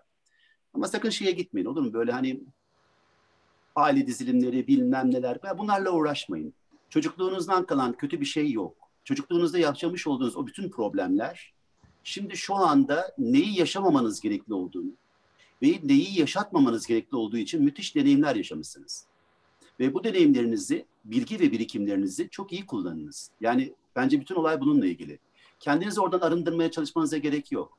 Yani o yaşadıklarınız, yaşadıklarımız hepimiz için geçerli olan bu. Yani mesela konuşmacı 15-16 yaşında evinden ayrılmak durumunda kaldı yani. 6-7 ay mesela parkta yaşadım ben yani. Ve 6 ay sonra babamı gördüğümde okuldan aramışlar çünkü devamsızlığım olmuş. Oğlum neredesin, niye okula gitmiyorsun dedi yani. Hani enteresan bir yapı. Hani e, şey, e, o yüzden e, çocukluğunuzdaki yaşamış olduklarınız e, bizi ne zaman rahatsız eder? Şu anda eğer kendinizden mutlu değilseniz, başarılı hissetmiyorsanız zihin geçmişe bakar ve bir problem arar. Yani annenizden dolayı, babanızdan dolayı, çevrenizden dolayı, ortamdan dolayı esasında bu başarısız olduğunu düşünürsünüz. Halbuki bununla ilgisi yoktur. Şu anda kendinizi başarılı hissederseniz, geçmişinize baktığınız zaman iyi ki onları yaşamışım dersiniz. Onları yaşamasaydım ben bugün burada olamazdım dersiniz. O yüzden kritik önemli olan nokta, geçmişinize baktığınız zaman kimin baktığına bakın. Problemli, üzüntülü bir haldeyken lütfen geçmişinize bakmayın. Çünkü orada suçacak bir şeyler bulmaya çalışırsınız. Ve bu çok yanlış yere götürür. Ya da bir psikoloğa gidebilirsiniz. Freud'dan eğitim almışsa eğer bütün probleminizin kız çocuğu olduğunuz için bir de babanızdan kaynaklandığını düşündürebilir size. Çünkü onun inancı o yönde olduğu için o temelde bir eğitim aldıysa basit sorular sorarsınız mesela. Satıcının sorduğu sorular gibi. Yani babanız ilişkiniz nasıldı çocukken? Hiç size kızmış mıydı? Kardeşinizi daha mı çok severdi? Yaşadığınız bir örnek var mı bununla ilgili? Hayda herkesin vardır kardeşim. Aynı kaç yıl yaşamışsın. Sen başlarsın onları anlatmaya. İşte dersin bütün problemin bundan dolayıymış demek ki. Ben o yüzden işte erkekleri sevmiyorum, evlenemiyorum, mutlu bir hayat kuramıyorum falan. Ama buradan bir şey çıkmaz. Sonra kişisel gelişimce gidersiniz. Hadi vur bakalım buralarına. Babanı affet, kendini affet, herkesi affet gibi saçmalıklar. Yani bunlardan hiçbir şey çıkmaz. Anlatabiliyor muyum? Hiçbir alt olmaz buralarda. Kritik önemli olan nokta şu anda mutsuzsanız mutsuzluğunuzun tek bir nedeni var. Sizsiniz. Bu sorumluluğu alabilir misiniz? Başkasına atmadan kardeşim top. Bunun tek sorumlusu sizsiniz. O yüzden lütfen beyninizin oyunlarına kapılmayın. Yani mesela ben de bir zaman sormuştum kendime. Annem çok güzel bir kadın mesela. Dedim ki ya kardeşim hani Koç'ta evlenemedin. Sabancı ile evlenemedin. E bu ara Eczacıbaşı ile evlen. Çok da güzel kadınsın. Şimdi nereden buldun bu memur adamı da beni de böyle fakir hale düşürdün. Ya bunlar bir çözüm olmayacak esasında. O yüzden hani kritik ve önemli olan nokta bu. E, kendinizi şu anda bakın. Eğer şu anda mutsuzsanız geçmişe ve geleceğe gitmeyin. Şu anda burada kalın. Mutsuzluğunuzun keyfini yaşayın. Mutsuzluğunuzu anlamaya çalışın. Probleminizi fark etmeye çalışın. Şirketinizde bir problem olduğu zaman ne yapacaksınız yani? Vay keşke param olsaydı zamanında falan. Hayır kardeşim problem varsa şirkette bakacaksın. Nedir bu problem diyeceksin. Kaçmayacaksın oradan yani. Eğer probleminizin karşısına çıkarsanız, kendi probleminizin dikkatle izlerseniz, herhangi bir derecede motivasyon aramadan, sadece anlamak isteyerek problemin yok olduğunu göreceksiniz. Şöyle dik durun, probleminizin karşısına çıkın. Anında her şeyin değiştiğini göreceksiniz. Emin olabilirsiniz yani. Geçmişte ve gelecekle ilgilenmeyin. Onların hepsi e, zihninizdeki oyunlar yani. Gerçek değil. Zihninizdeki oyunlar tamamıyla yani. O yüzden mümkün olduğunca başka bir şey. Ee, insan e, kendisine olan e, şeyini kaybettiği zaman ya geçmişe gider veya da kendini motive ederek ileride çok iyi olacağını düşünmeye gider. Şu anda hangi haldeyseniz geçmişiniz de geleceğiniz de o halde. Geçmişinizin ve geleceğinizin iyi olmasını istiyor musunuz? Şu anki halinizi değiştirin. Şu anki hal değişince gelecek çok güzel olur. Geçmiş de çok güzel olur ama. Yani bütün her şey bununla ilgili. Bunun anda yaşamakla falan alakası yok. Hocam anda yaşayanı falan. Ne anı kardeşim? An dediğin şey zamanların tamamıdır ve zamansızdır. Bunlar boş konuşmalar. Yani adamcağızın gelecek hafta çeki var. Abi anda yaşa. Abi gelecek hafta kim yaşayacak o anı? Yani öyle bir şey olabilir mi yani? Kardeşim gelecek hafta çeki var adamın. Korkuyor yani. Ne ilgisi var şimdi? Abi anda yaşayalım bir nefes alalım şimdi. Ya bırak kardeşim onları. Yani bir bırak şimdi. Gelecek hafta çeki var. Şimdi otur bakalım bir. Evet abi gelecek hafta çek var. Ama gelecek hafta var. Ve şimdi şu anda ne yapabilirsin? Bütün olay bununla ilgili. Okay? Yani eee ve sakın e, borç para aramaya çalışma. Bankadan kredi aramaya çalışma. Yani o para, o çeki yazarken büyük bir ihtimalle kendine güvenmiştin. Bir şeyler yapabileceğine emindin. Yani bunun üzerine git. Müşteriye güvenme. Ya bir müşteri bana para gelecekti de ben ona güvenmiştim. Bu çeki yazmıştım. Sakın ha. Sadece ve sadece ona inan. Müşteri ödemedi mesela. Haftaya çekin var. Ne yapacağını bilmiyorsun. İşte fırsat sana. Daha çok para kazanmak için müthiş bir fırsat. Otur hemen şimdi hemen planlar geliştir. Ne yapmalıyım? Neler yapmalıyım? Neler yaparsam ben daha çok para kazanabilirim dediğin anda bir bakmışsın ki çek ödenmiş, o da çoktan gitmiş ve bir sürü para kazanmışsın. Yani bazı insanları borçlar kamçılar. Daha çok iş kazan yapmaları ve daha çok para kazanmaları için. Yani e, e, çok önemli bir şey. Bazı insanları e, başka bir şey kamçılar. O yüzden e, belki borçların olmasaydı şimdi hiç çalışmıyor olacaktın. Hiçbir şey üretmiyor olacaktın. Dua et borçların olsun yani. Ne güzel yani. Hatta bazen de ki ya daha büyük borç olabilir mi? Ki daha yeni fikirler çıkarayım. Daha büyük fikirler çıkarayım yani. Anlatabiliyor muyum? O yüzden çok güzel bir şey. Yani mümkün olduğunca e, bak borcunun büyüklüğü e, senin limitlerini belirler. Bunu sakın unutma yani. Yani e, o yüzden limitlerini genişlettiğin zaman hani borçlarının yok olduğunu görürsün yani. Yani e, çünkü borç e, sadece küçük bir limittir ve seninden daha büyük olamaz. Yani aranızda mesela 1 milyar dolar borç olan var mı? Yok. Yani hepimizin kendi limitleri ölçüsünde borcumuz var. O yüzden korkmayın. Sizden daha büyük değil. Eğer limitlerini genişletirsen borç küçücük kalır ve yok olur. Sonra yeni bir borç yaparsın. Daha büyük. Sakın unutma. Okey? Yani Tekrardan borç çok teşekkürler. kadar yani. Başka bir e, nedeni yok. E, mesela geçen televizyonda program vardı. Amerika batıyormuş. 22 trilyon dolar borcu varmış. E, filan diye televizyon programı yapmışlar. Yani ayranımız yok içmeye, nelere bakıyoruz, ne halde durumlarında. Adam kendi parasıyla kendine borçlanmış. Kimsenin haberi yok. Hiç olacak bir şey değil. Bütün dünya dolar kullanıyor. Adamcağızın parasını, adamcağızın borcu varmış. Ne olabilir yani Amerika için hiç önemli değil yani. Yani çok e, boş şeyler yani bunlar. Yani şey, e, e, o yüzden e, mümkün olduğunca e, geçmişte yaşadıklarınız şimdi şu anda neler yapmanız gerekli olduğunu ve neler yapmamanız gerekli olduğunu en güzel anlatan hikayeler. Bu kadar basit esasında yani. Çok enteresan, güzeldi. Teşekkür ederim. Çok teşekkür ederiz. Ee, Gülhan Hanım'a da sordukları soru için çok teşekkür ederiz. Duyabiliyorsunuz değil mi Sinan Hocam? Tabii tabii, tabii, tabii duyuyorum zaten. Tamam harika. O zaman şöyle toparlayalım dilerseniz hocam. Bu akşam bir saat için konuştuk ama şu anda iki buçuk saate gidiyoruz. Herkesten de övgü dolu mesajlar geliyor. Çok teşekkür Sağ ederiz. olsunlar. Ağzınıza sağlık.